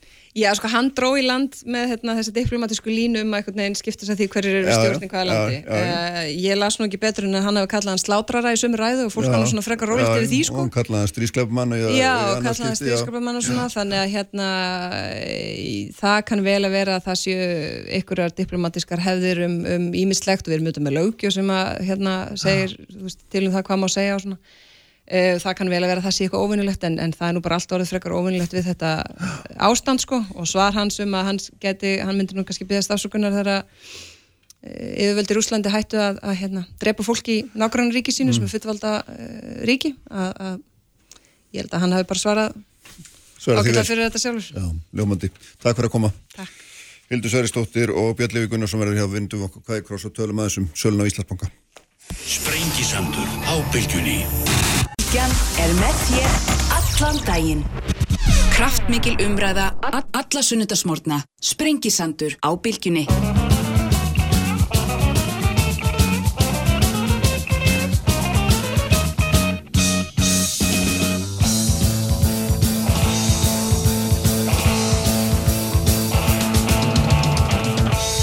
Sælir afturlustundur, eh, Þortís Kolbrún fannir frá mér, eh, Linda Fanni Valgestóttir sem er frangandastýra. Alvor verður hér á eftir en þau eru sest hjá mér Hildur Sveristóttur Björnlefi Gunnarsson, alþingis menn bæðið tvö. Sælir blessuðu velkvæðin. Takk fyrir. Takk. Ætlum að ég ætla að fá okkur til að tala um stort mál sem var í gangi sem er salan um þessum hluta af hlut Ríkisins í Íslandsbanka sem að, hérna, kom nú mörgum á óvart eða var gert svona doldi bratt en svo ef maður sér les nú þess að skilmála alla þá þá sér maður að þetta er, er einhver aðferðafræði sem til er en og hérna beitt var og, og svo sem þekkt. En Björnlefið þú varst ósáttur taldir að við hefum tapað penningum ríkið hefði tapað penningum og þetta var klúður. Sérstaklega í fyrirumferðinni. Sérstaklega í fyrirumferðinni? Já. Já. Að því að markasverðið hækkað eftir á. Það er eðlilegt að fólk búist við því að markasverðið hækki eftir á. Sérfræðingar segja svona 5-10% sé eitthvað sem að bæði kaupindur og seljendur vonast eftir. En sko þegar það fara að nálga 60% mm. þá hljóta seljendur að fara að klóra sér aldrei í kollinum og, og, og pæl, pæla í því hvaða mistökur hafa gert. Sko. það, þetta er ekkit, er ekkit stuttur aðdrægandi að þessu heldur. Þetta er búið að vera lengi í undirbúningi, það er búið að reka bankana sem er í eiguríkisins sérstaklega sem engafyrirtæki til þess að hámarka arðgreðslur úr bankunum til ríkisós og ímsum fannst það vera góð hugmynd bæði til þess að fá tekið fyrir ríkisjóð en þarna er þá, þá stjórnvalda ákveðir unni auka álögur til þess að búa til auka arðs til þess að sem er þetta skilja í ríkisjóð og þá til þess að hækka andverðið bankana, hámarka það og ef, að, ef að þetta búið að vera nokkur ára prósess að reyna að hámarka andverðið bankana til þess að selja þá með svona afslátti þegar það mm. allt kemur trals mjög undarlegt Já, hvað segir þú Hildur? Er það að þú verið sátt við þetta mál frá upphællenda? Sko, í fyrsta lagi þetta er grunnuna þessu öllu og það er þetta mjög gleðilegt að það sé svona loksins komin eh, svona ákveðin svona skurkur í að, að losa ríkið úr þessum böngum. Það hefur auðvitað að staði til lengi uh, fjármálar á þannig sem mælti fyrir því Otni Haraldóttir á, á sínum tíma 2012 þannig að það hefur verið svona að maður vonar svona sæmileg þverrpólítið mm. sátt um nöðsin þess að ríkið sé ekki að vera svona fyrirfæra mikið í áhattu sömum samkjöfnisrekstri sem, sem að bankarnir eru og kannski verðt að minna á að það er hverki í Evrópu sem að ríkið er svo fyrirfæra mikið í, í böngunum. Uh, varandi framkvæmdina alla held ég að sé líka verðt að minna á uh, að það er í höndum sjálfstæra stofnunar uh, sem heitir Bankasísla Ríkisins sem að fer með eignar hluti ríkisins í böngunum uh, það var vinstistjórnir sem að setja þá stopnun á fót til þess að hafa svona anslengtar framleið frá, frá ráþeranum mm og ég heyr ekki betur en að, að Björnlefi þarna sé í rauninni að segja að sérfræðingarnir þar í þeirri sjálfstæði stopnun séu að hafa ránt fyrir sér. Mm uh, ég held að, að það er svo sem bara áhugavert. Ég veit ekki hvort hann sé að bóða ef hann hafi verið í ráþærasettinu og hann hafi haft pólitísk afskipti af þessu öllu saman, ég vona ekki. Uh, hins vegar breytir að því ekki að það er skiptir opaslega miklu máli með alla svona framkvæmda auðvitað gangi hún sér best og það ríkir traust uh, um þessa vegferð alla því að undir eru opaslega miklu hagsmunir fyrir já, Íslenska ríkið og, mm. og alla skattgreðendur bæði nú og, og til framtíðar En finnst þið það að hafa ríkt traustið? Nei, auðvitað vitum við að, að bara allt frá hruni hefur, hefur traust til fjármála já, markaðarins í heild ekki mm. verið nægulega mikill sem er óbúslega synd því að þarna, þetta samspil við Íslands samfélag skiptir óbúslega miklu máli. Þannig að ég set nú spurningamerki við kannski fullirðingar eins og við heyrðum í vikunni þar sem að er verið kannski að í aðvíka hvert fólki að þarna hafi verið framkvæmd einhver myrkraverk sem að, sem að hana, þóla ekki dagsins ljós og séu já, já bara flestan ef ekki allan hátt mjög slæm því að mm. auðvitað þá, það, það gerir fólk órugt og það er nú fæstir sem kannski hafa í svona nær umhverju einhverja miljardarsölu og hvernig nákvæmlega á því er haldið alla daga. Þannig að þetta vekur upp að mínu viti óþarfa óryggi uh -huh. en að því sögðu þá verða þessi viðskipti gerð upp núna eftir helgi. Ég hef engar fórsendur ekkert frekar en Björn Levi í á nákvæmlega hvernig á framkvæmdinu var haldið nema bara fyrir utan að maður þekkir ákveðna svona eins og þú, þú lístir ágætlega. Þarna var viðhaft mjög algengt eh, ferli eða ákveðna aðferðfræði og það er bara það gerist í þessu, ég menna auðvitað breytist bankin við það bara að fara markað og slíkt sko, ég í virði og annað. Mm.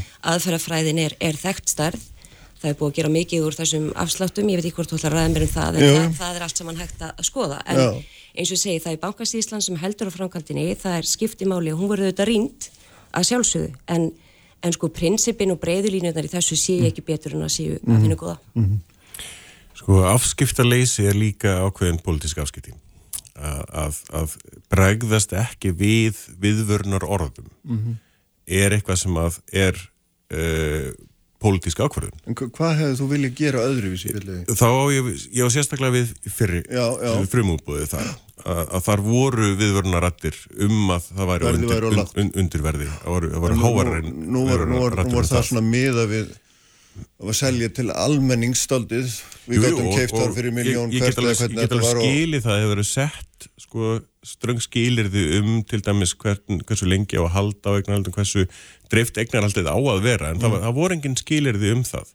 Hver sem er gætt keift og selt síðan strax og í rauninni hefði eh, eignarhaldunum geta endað á bara mjög fáum höndum á, á stuttum tíma. Eh, hefur ekki gert það en hefur fækkað um einhvern þriðjung síðan eh, frumömbúðað var og ég veit að, ef maður hefur hýrt að því svona að fólk er að býða eftir að klára aðgræslinu og rauninni þessa sölu og þá kannski er, er einhverju fleiri af þessum svona einstaklingu sem var að kaupa sem var að losa þeir svona stærri aðeilina sem kæfti í frumubúðinu losuðu flestir sitt eignarhaldi e, mjög fljótlega mm. tóku bara gróðan strax tilbaka í þessari... En myndur það vilja binda þetta með einhverjum hætti? Það, það er alveg mjög eðlilegt að ef að markmið er dreift eignarhald. Mm. að setja einhvers svona skilirði um það hvers, hversu hátt á eignarhald hver má hafa. Uh, og ef það eru sett skilirði um sagt, hversu langa tíma þú ert að taka þátt í þessari fjárfestingu í þá er ekkert öðvöld að gefa afslætt á móti.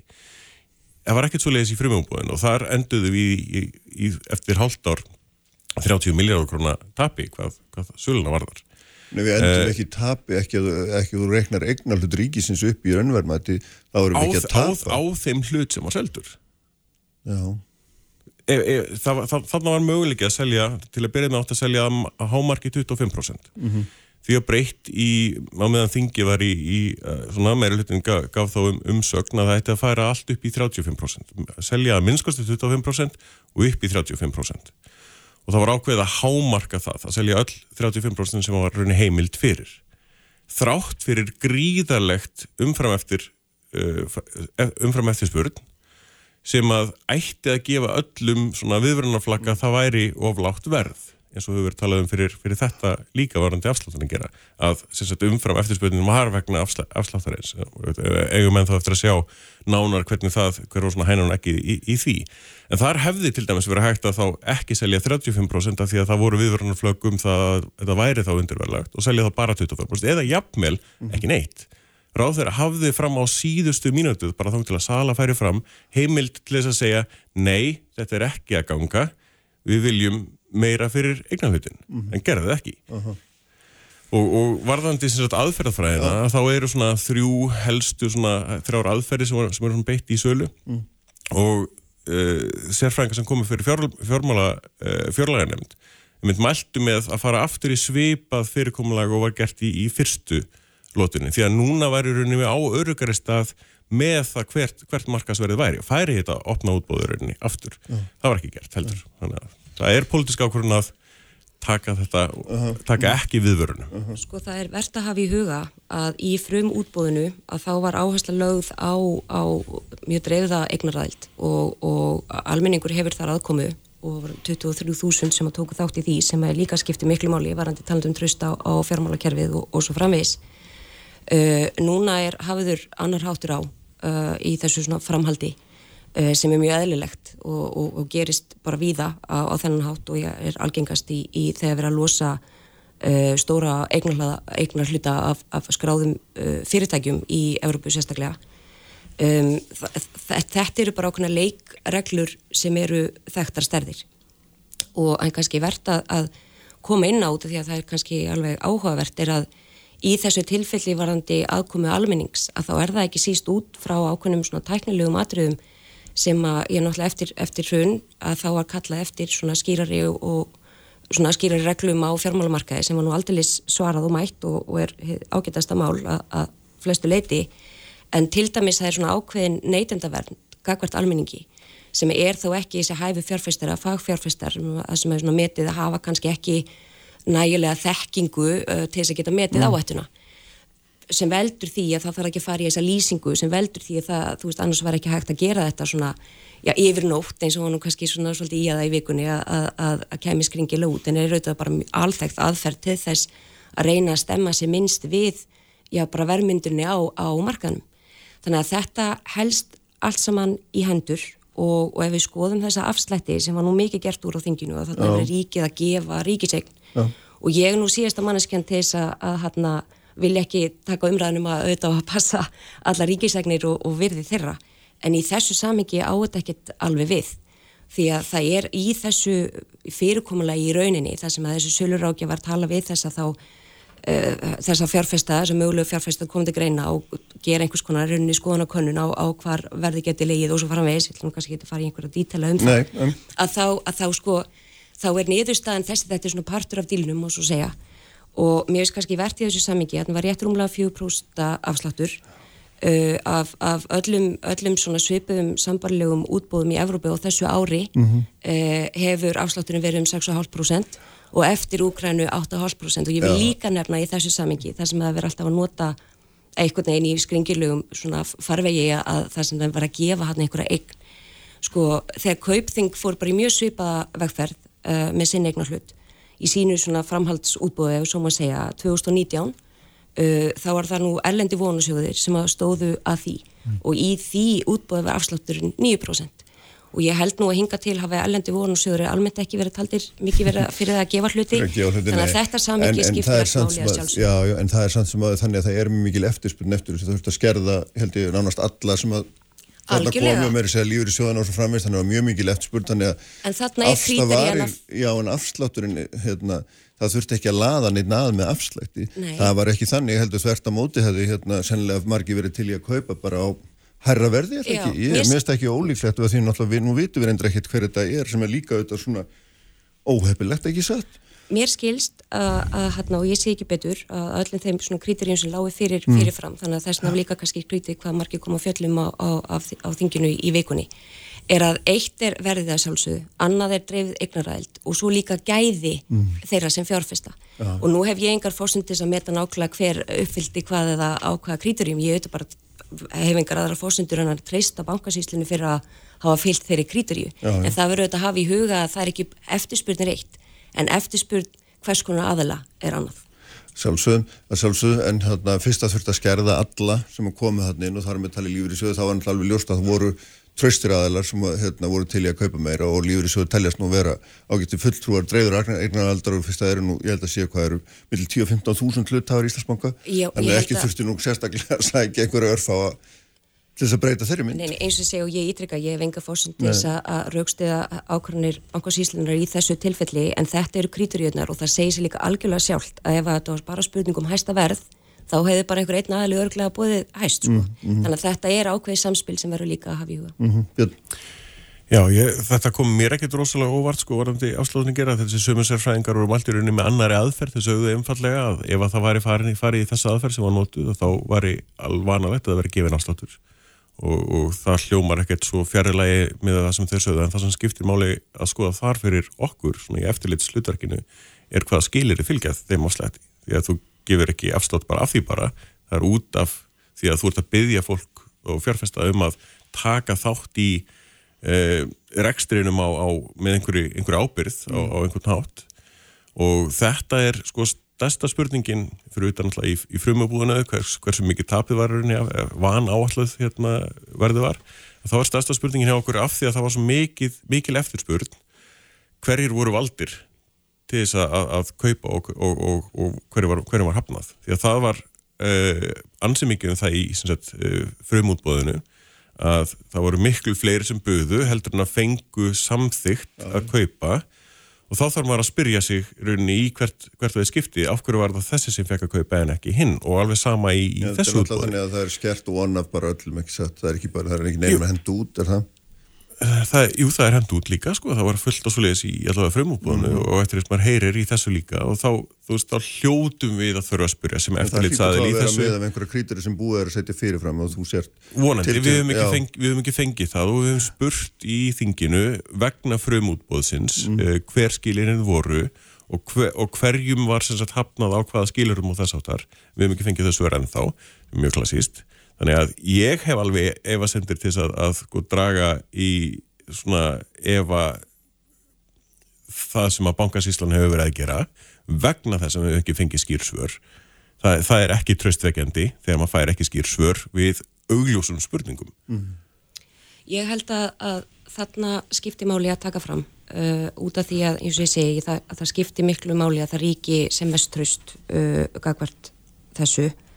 Sko, ég sé svona í að því að, að þarna sé mögulega alls konar einhverjar óviðjandi uh, huglagar ástæðar fyrir því hverjir eru taldir þessir fagfjárfestar og ég held að svo spurning sé algjörlega eðlileg mm. en ég held að það sé gott að, að, að samt, hafi í huga samkvæmt kríturíinu sem á að miða við að þá eru auðvitað annars vegar þessir hæfu og hins vegar fagfjárfestarnir sem eru auðvitað þessi stóra aðalar eins og ást að nefna en líka eins og ákveðinu einstaklingar ef að þeir eru taldir búa yfir þessari þekkingu til þess að meta áhættuna.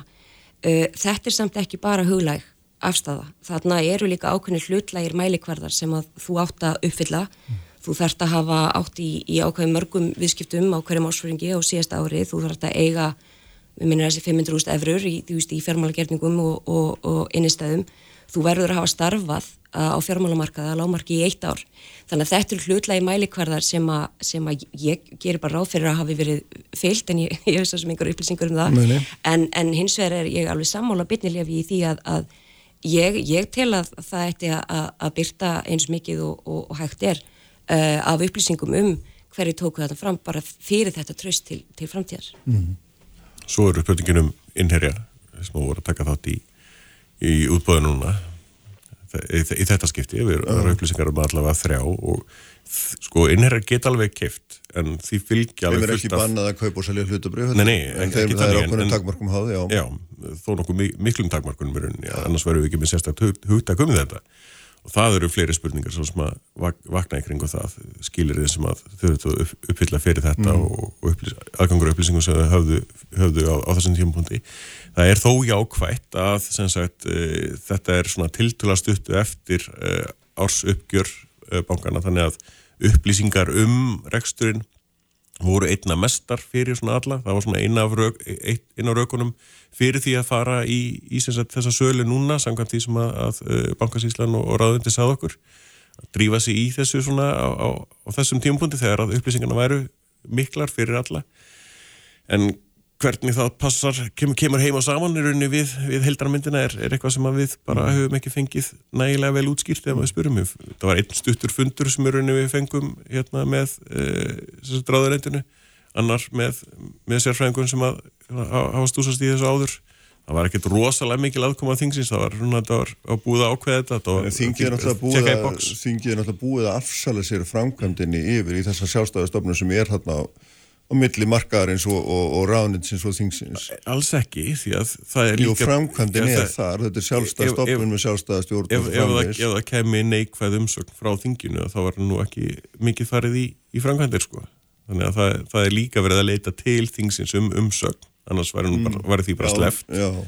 Og þarna þurfuðu að koma að raukstuðja eh, afstöðu sína eh, til, til ráðherra og umsagnar eru eins og, eins og þar komu en, en, en þetta, þetta já, en þetta fyrirkomlega að vera með bankarsýslu sem var svo skemmtilega að setja stopp 2009 með lögum til fimm ára en starfaði nú svo bara áfram lagalöst mjög lengi.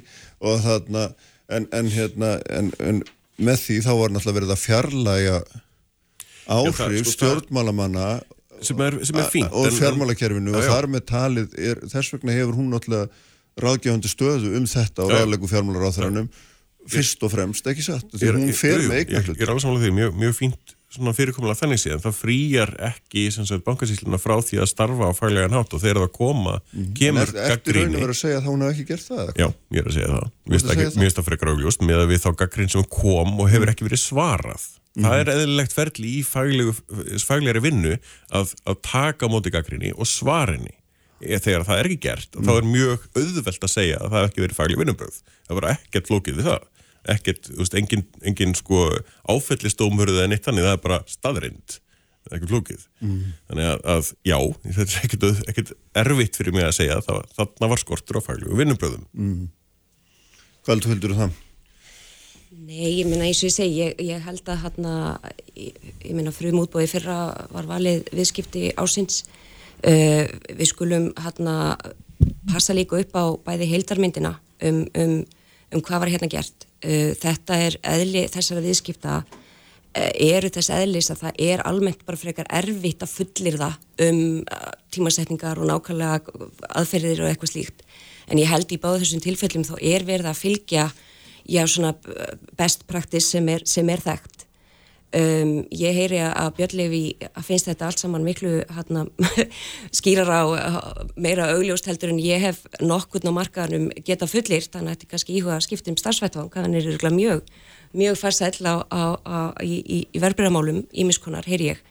Þannig að, að sko ég get ekki kvittað upp á að hérna sé augljóslega um einhverju mistök að ræða. En ég ítreka að, að það skiptir mjög miklu máli að sem mestar upplýsingar og sem mestur raukstunningur fylgi þessari framkvæmd allri.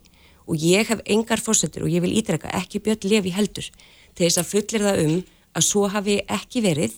Það, er, það eru ákveðna útlínur mm. uh, krítiríu sem liggja fyrir og ég veit ekki betur en að vera að fylgja. Og heilt yfir er þetta mjög jákvæmt skref fyrir Íslands samfélag að losa ríkið úr þessum átasama bankarekstri. Mjög áhugavert að það sé alltaf að vera tönlast af því að ég hef ekki fórsendu til þess að gera hitt og þetta. Mm. Ég er að, að vittna í sérfræðalit sem koma til fjárlega nefndar. Ég er, er innfallega milliliður í þeim uh, viðskiptum eh, hvað, hvað það var þar. Mm -hmm. Þannig að það er algjör að bönja einhvað mig að ég hefi ekki fórsendur í hitt og þetta. Það, það er þá á, ádela á þau sérfræðalit sem komu til fjárlega nefndar. Ég kemur þessum á því máli ekkert við. Mm -hmm. Jámundi, ég held að þú komast ekki lengri í bili. Takk bæði fyrir að koma. Takk og þarna Hildur og Björn Levi og hún verður hérna hjá mér og Linda Fanni Valgistóttir, þá skiptum við alveg mikið, hún er framkvæmt að stýra. Alor. Sprengisandur á bylgjunni. Hlustaðu hvað sem er, hvena sem er. Bylgjan. Sprengisandur, alla sunnudaga á bylgjunni. Sælega aftur hlustundu Bjarlefi Gunnarsson og Hildur Sværistóttir farin eftir umröður hér um sölu og hlutur ríkisins í Íslandsbanka og skipta skoðanir þar. Verulega og ég ætla að fara hér í allt annað. Til sestur hjá mér Linda Fanni Valgistóttir sem er framgónd að stýra fyrirtæki sem heitir Alor. Sælblessuð, velkomin. Blessar, takk fyrir bóðið Það er nú afskaplega lítið, sko, þið voruð að fá hérna nýsköpunar verðlun samorku þetta fyrirtæki sem er reynda bara mjög ung stopnað í fyrir teimur árum ekki? Jú. 2020 og þarna, en er að gera hluti sem ég veist alveg ótrúlega farfisnilegir sem er að, að, hérna, að búa til álbatteri eða, eða þróa og framlega álbatteri til þess að, að hérna, uh, vista og, og, og já, segja, færa til orku með alveg nýjum hættin. Þú ætti að segja mig hvað, hvað vakir það fyrir ykkur? Hvað, hvað er þetta fyrir nokkuð? Já, Um, þetta er alveg rétt hjá þér og, og þetta er ekki einungis ál, álraflöður, mm. heldur eru þetta vistvænar og, og hérna, endurvinnanlegar raflöður uh -huh. og það er auðvitað, skiptir okkur gríðalegu máli að vera með sjálfbara lausnir og við finnum það að það er, það er bara, það er ríkt ákall fyrir slíkum lausnum. Uh, við erum að vinna að því að uh, framlega þessar lausnir síðustu nýju árin hefur samstagsfyrirtæki okkar á spáni verið að rannsaka og þróa þessa tækni mm -hmm. og þar er sagt maður sem heitir Hakín sem hefur starfað í raflöðu geiranum núna síðustu 32 ár og fyrir um, um nýjarum síðan þá áttnaðan sig á því að, að hérna, raflöðunar þyrtu að verða umhverfisvætni. Við gætum ekki keirt framtíðina áfram með óumhverfisvætnum lausnum sem að væru bæði hilsusbyllandi og, og vondar fyrir umhverfið. Þannig að e, hann sem sagt bara tók stöðu með álrafljónum og hefur verið með sínu teimi að, að rannsaka þær. E, Hva, hvað er álraflaða, svo ég spyrir nú bara, hvað er það? Já, þetta er í raun bara raflaða eins og þú þekkir e, sem að er nýtt bara sem vennileg raflaða. Já. En sko við ætlum ekki að fara strax inn á rafbílamarkaðin sem að hérna flestum finnst liggjast beinast við. Já. En uh, við erum í raun svo tækni sem er þessi fyrsta kynnslóð sem er hvað lengst komin í rannsóknum og þróum að hún hendar til þess að uh, leysa af hólmi varafl í yðnaði.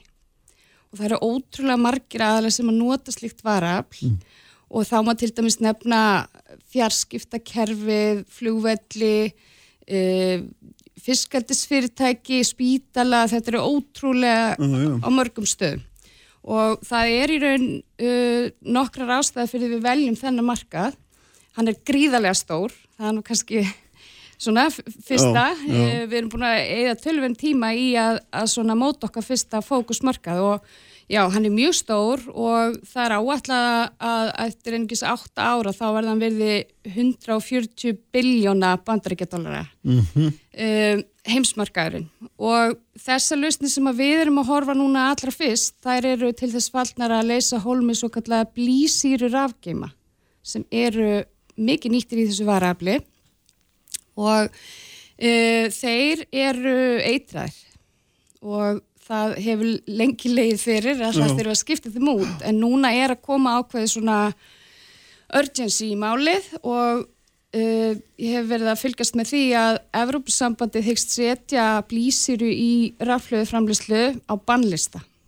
Og það er bara ekki mjög langt í að það muni rata þennan lista heldur bara núna vorið 23 þannig að það er svona hérna og við finnum líka hér á Íslandi þó að við munum rata á alþjóðlega markaði að það er e, það er mikil svona þörf og, og af því að fyrirtækin stjórnvöld hafa innlegt ívilnanir og, og svona það er hvati til þess að huga að grænum lausnum þá höfum við hlotið ótrúlega góðan hljóngrunn hjá íslensku fyrirtækjum sem vilja gera vel Ég segði mér aðeins betur svona, uh, minna, það að maður nú bara afhjúpi að fáfræði mína um raflöður en það hugsa ég bara um hérna bara raflöður í, í útvarpið eitthvað skilur, þetta er bara þetta venjulega sem allir þekkja. Já, Já, einmitt nákvæmlega eitthvað svoleiðis, ég en þetta er náttúrulega eitthvað allt annað, þetta er einhvers konar álþinnur er það ekki sem þið eruð að eða hvað, svona, er, er þetta ekki eitthvað þýjum líkt? Sko þetta eru svona litlir kassar, má Aha. segja, sem að hérna eru ekki mjög þykir, sem að verður raðað upp í eins og bara ískápa, bara í svona skápa einingar og síðan er hægt að raða skápunum saman og þá er þeir tengtir saman uh, í gáma lausnir. sem verður það bara eins og einhvers konar orkustöð eða? Já. Ó. og inn í þessum gámum það verður hægt að ganga í, í, í miður gámsins og, og í gámnum verður svo kallað battery management kerfi sem að mun svona passa upp á hilsuna á raflöðunum og, og eins eru sko engin takmörk fyrir því hvað eru margir e, gámar tengdir saman. Og þá verður miðlægt kerfi sem að passar upp á allt saman, talar saman. Og þetta er semst þannig er það ekki að þið, þið, þið ætlaði að byrja framlýsla á þessu núna í sömar. Við erum að e, koma með sem sagt prototípunar núna í júni.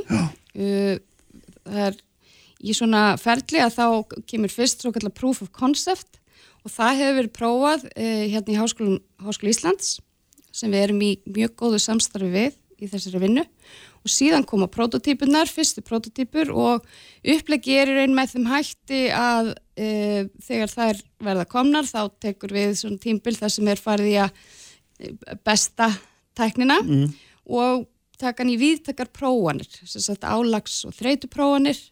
Og síðan í kjölfarið að þá förum við á stjá með samstagsalunum okkar. Við erum nú þegar búin að gera mjög góða samlinga meðal annars við landsnet og uh, neyðalínuna sem að verða svona mm, testaðilar með okkur, svona pilotverkefni sem að þá koma þau í raun og þeirra sérfræðingar með verðmæta eh, ábendingar inn í vinnuna. Þannig að þegar að svona, við fáum svona vetur eins og var, var ekki þar síðasti vetur, nú mann maður ekki neitt, en þannig að þegar rafmagninu slóð út um all land og þá skorti verulega varafl við það. Þannig að þetta er aðferð til þess að byggja upp varafl til að mynda fyrir landsnett svo að hérna, það geti haldið áfram að fóra okkur rafmagnu þó að Já, og það er raun það sem að það landsleitir, já, það sem að landsleitir helst að horfa á núna er svona þetta skemmra strömleysi, sem sagt áður en stóru varalpstöðarnir geta kikkað inn, þá er þarna ákveðir, ég held að sé einu og halvt tvær mínútur sem að detta út og þeir vilja ná að brúa þetta bil. Uh, en síðan þegar við erum í raun búin að hérna, þróa þessar minnilausnir mm. að þá getum við skipt út stóru varafstöðunum sem ganga fyrir dísel.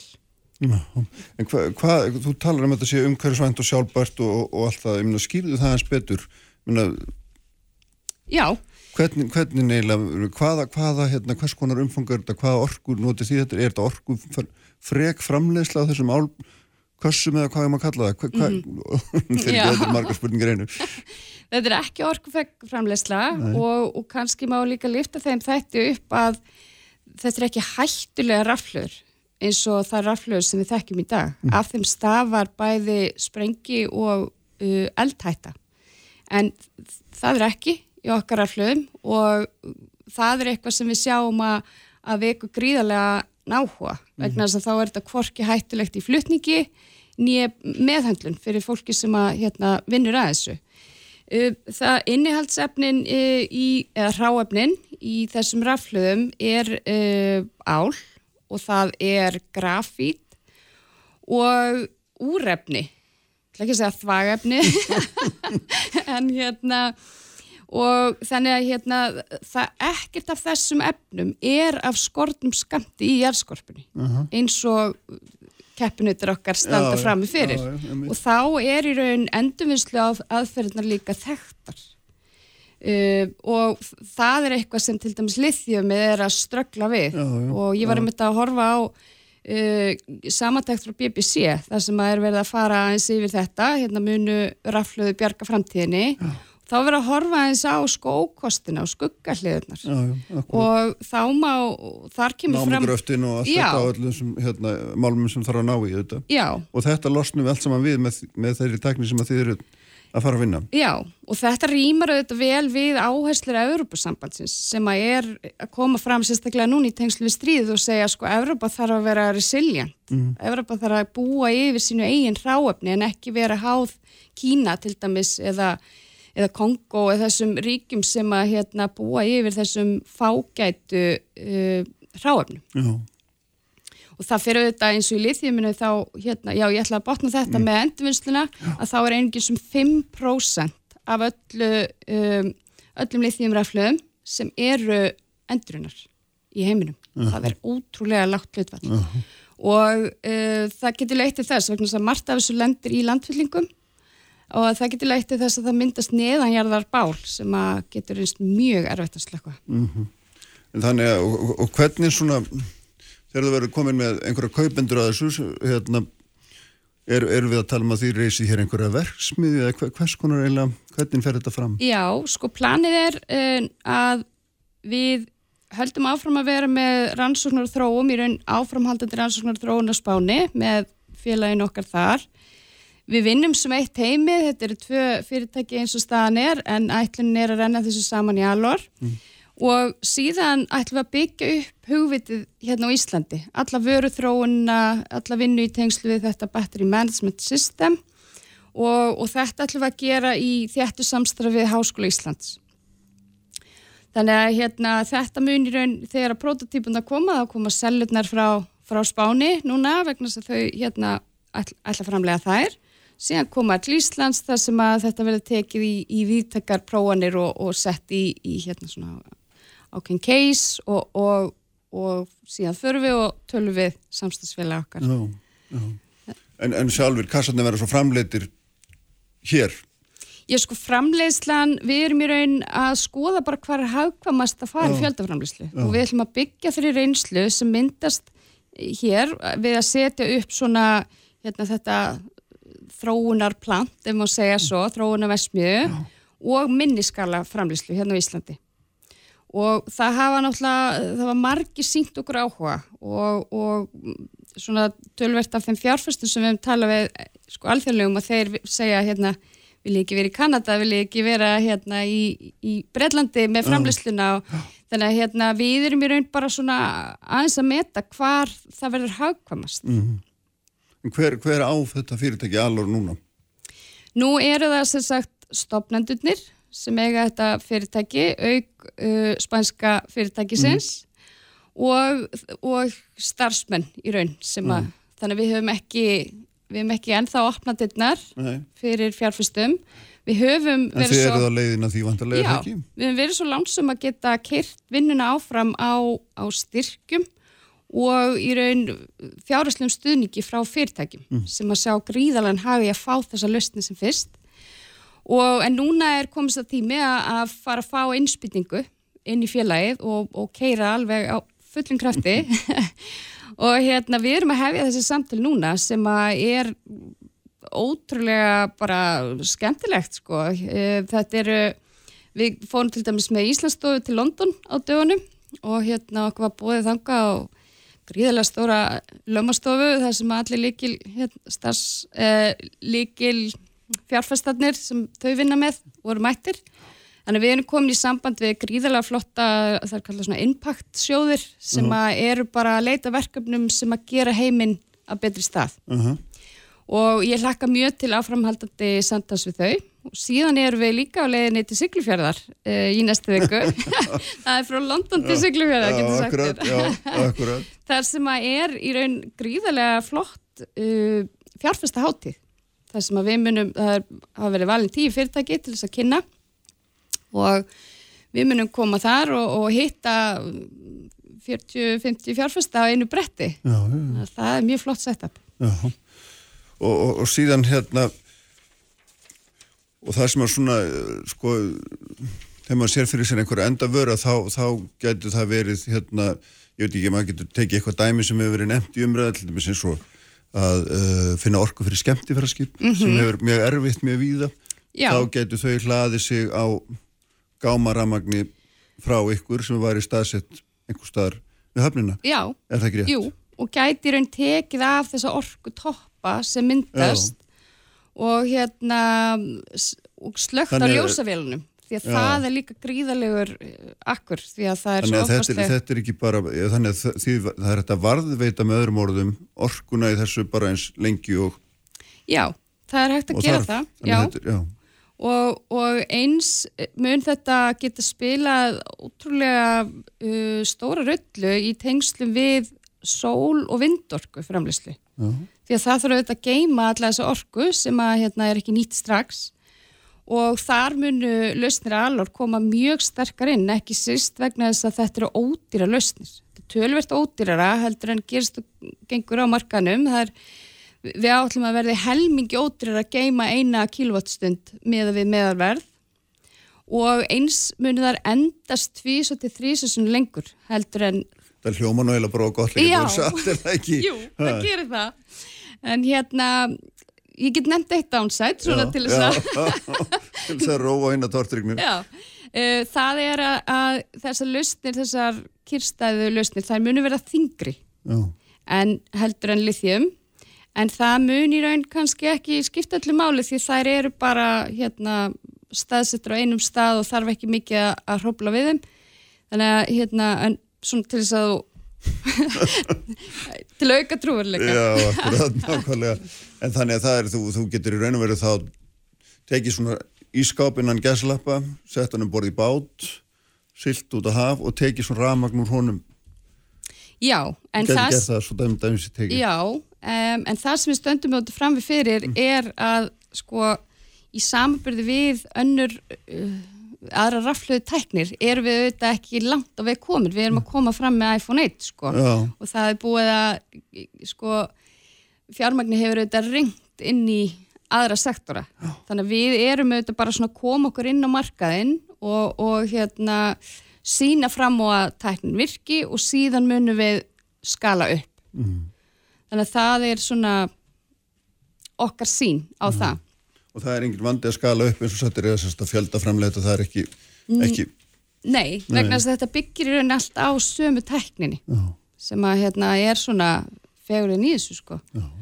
Að það þarf ekki alltaf að byrja upp á nýtt í vöruþróninni og, og því að þetta í raun bara byggist ofan hvort annað og eins og þessi skápara þá er þetta bara lausnindan sem að raðast upp í svona rekka.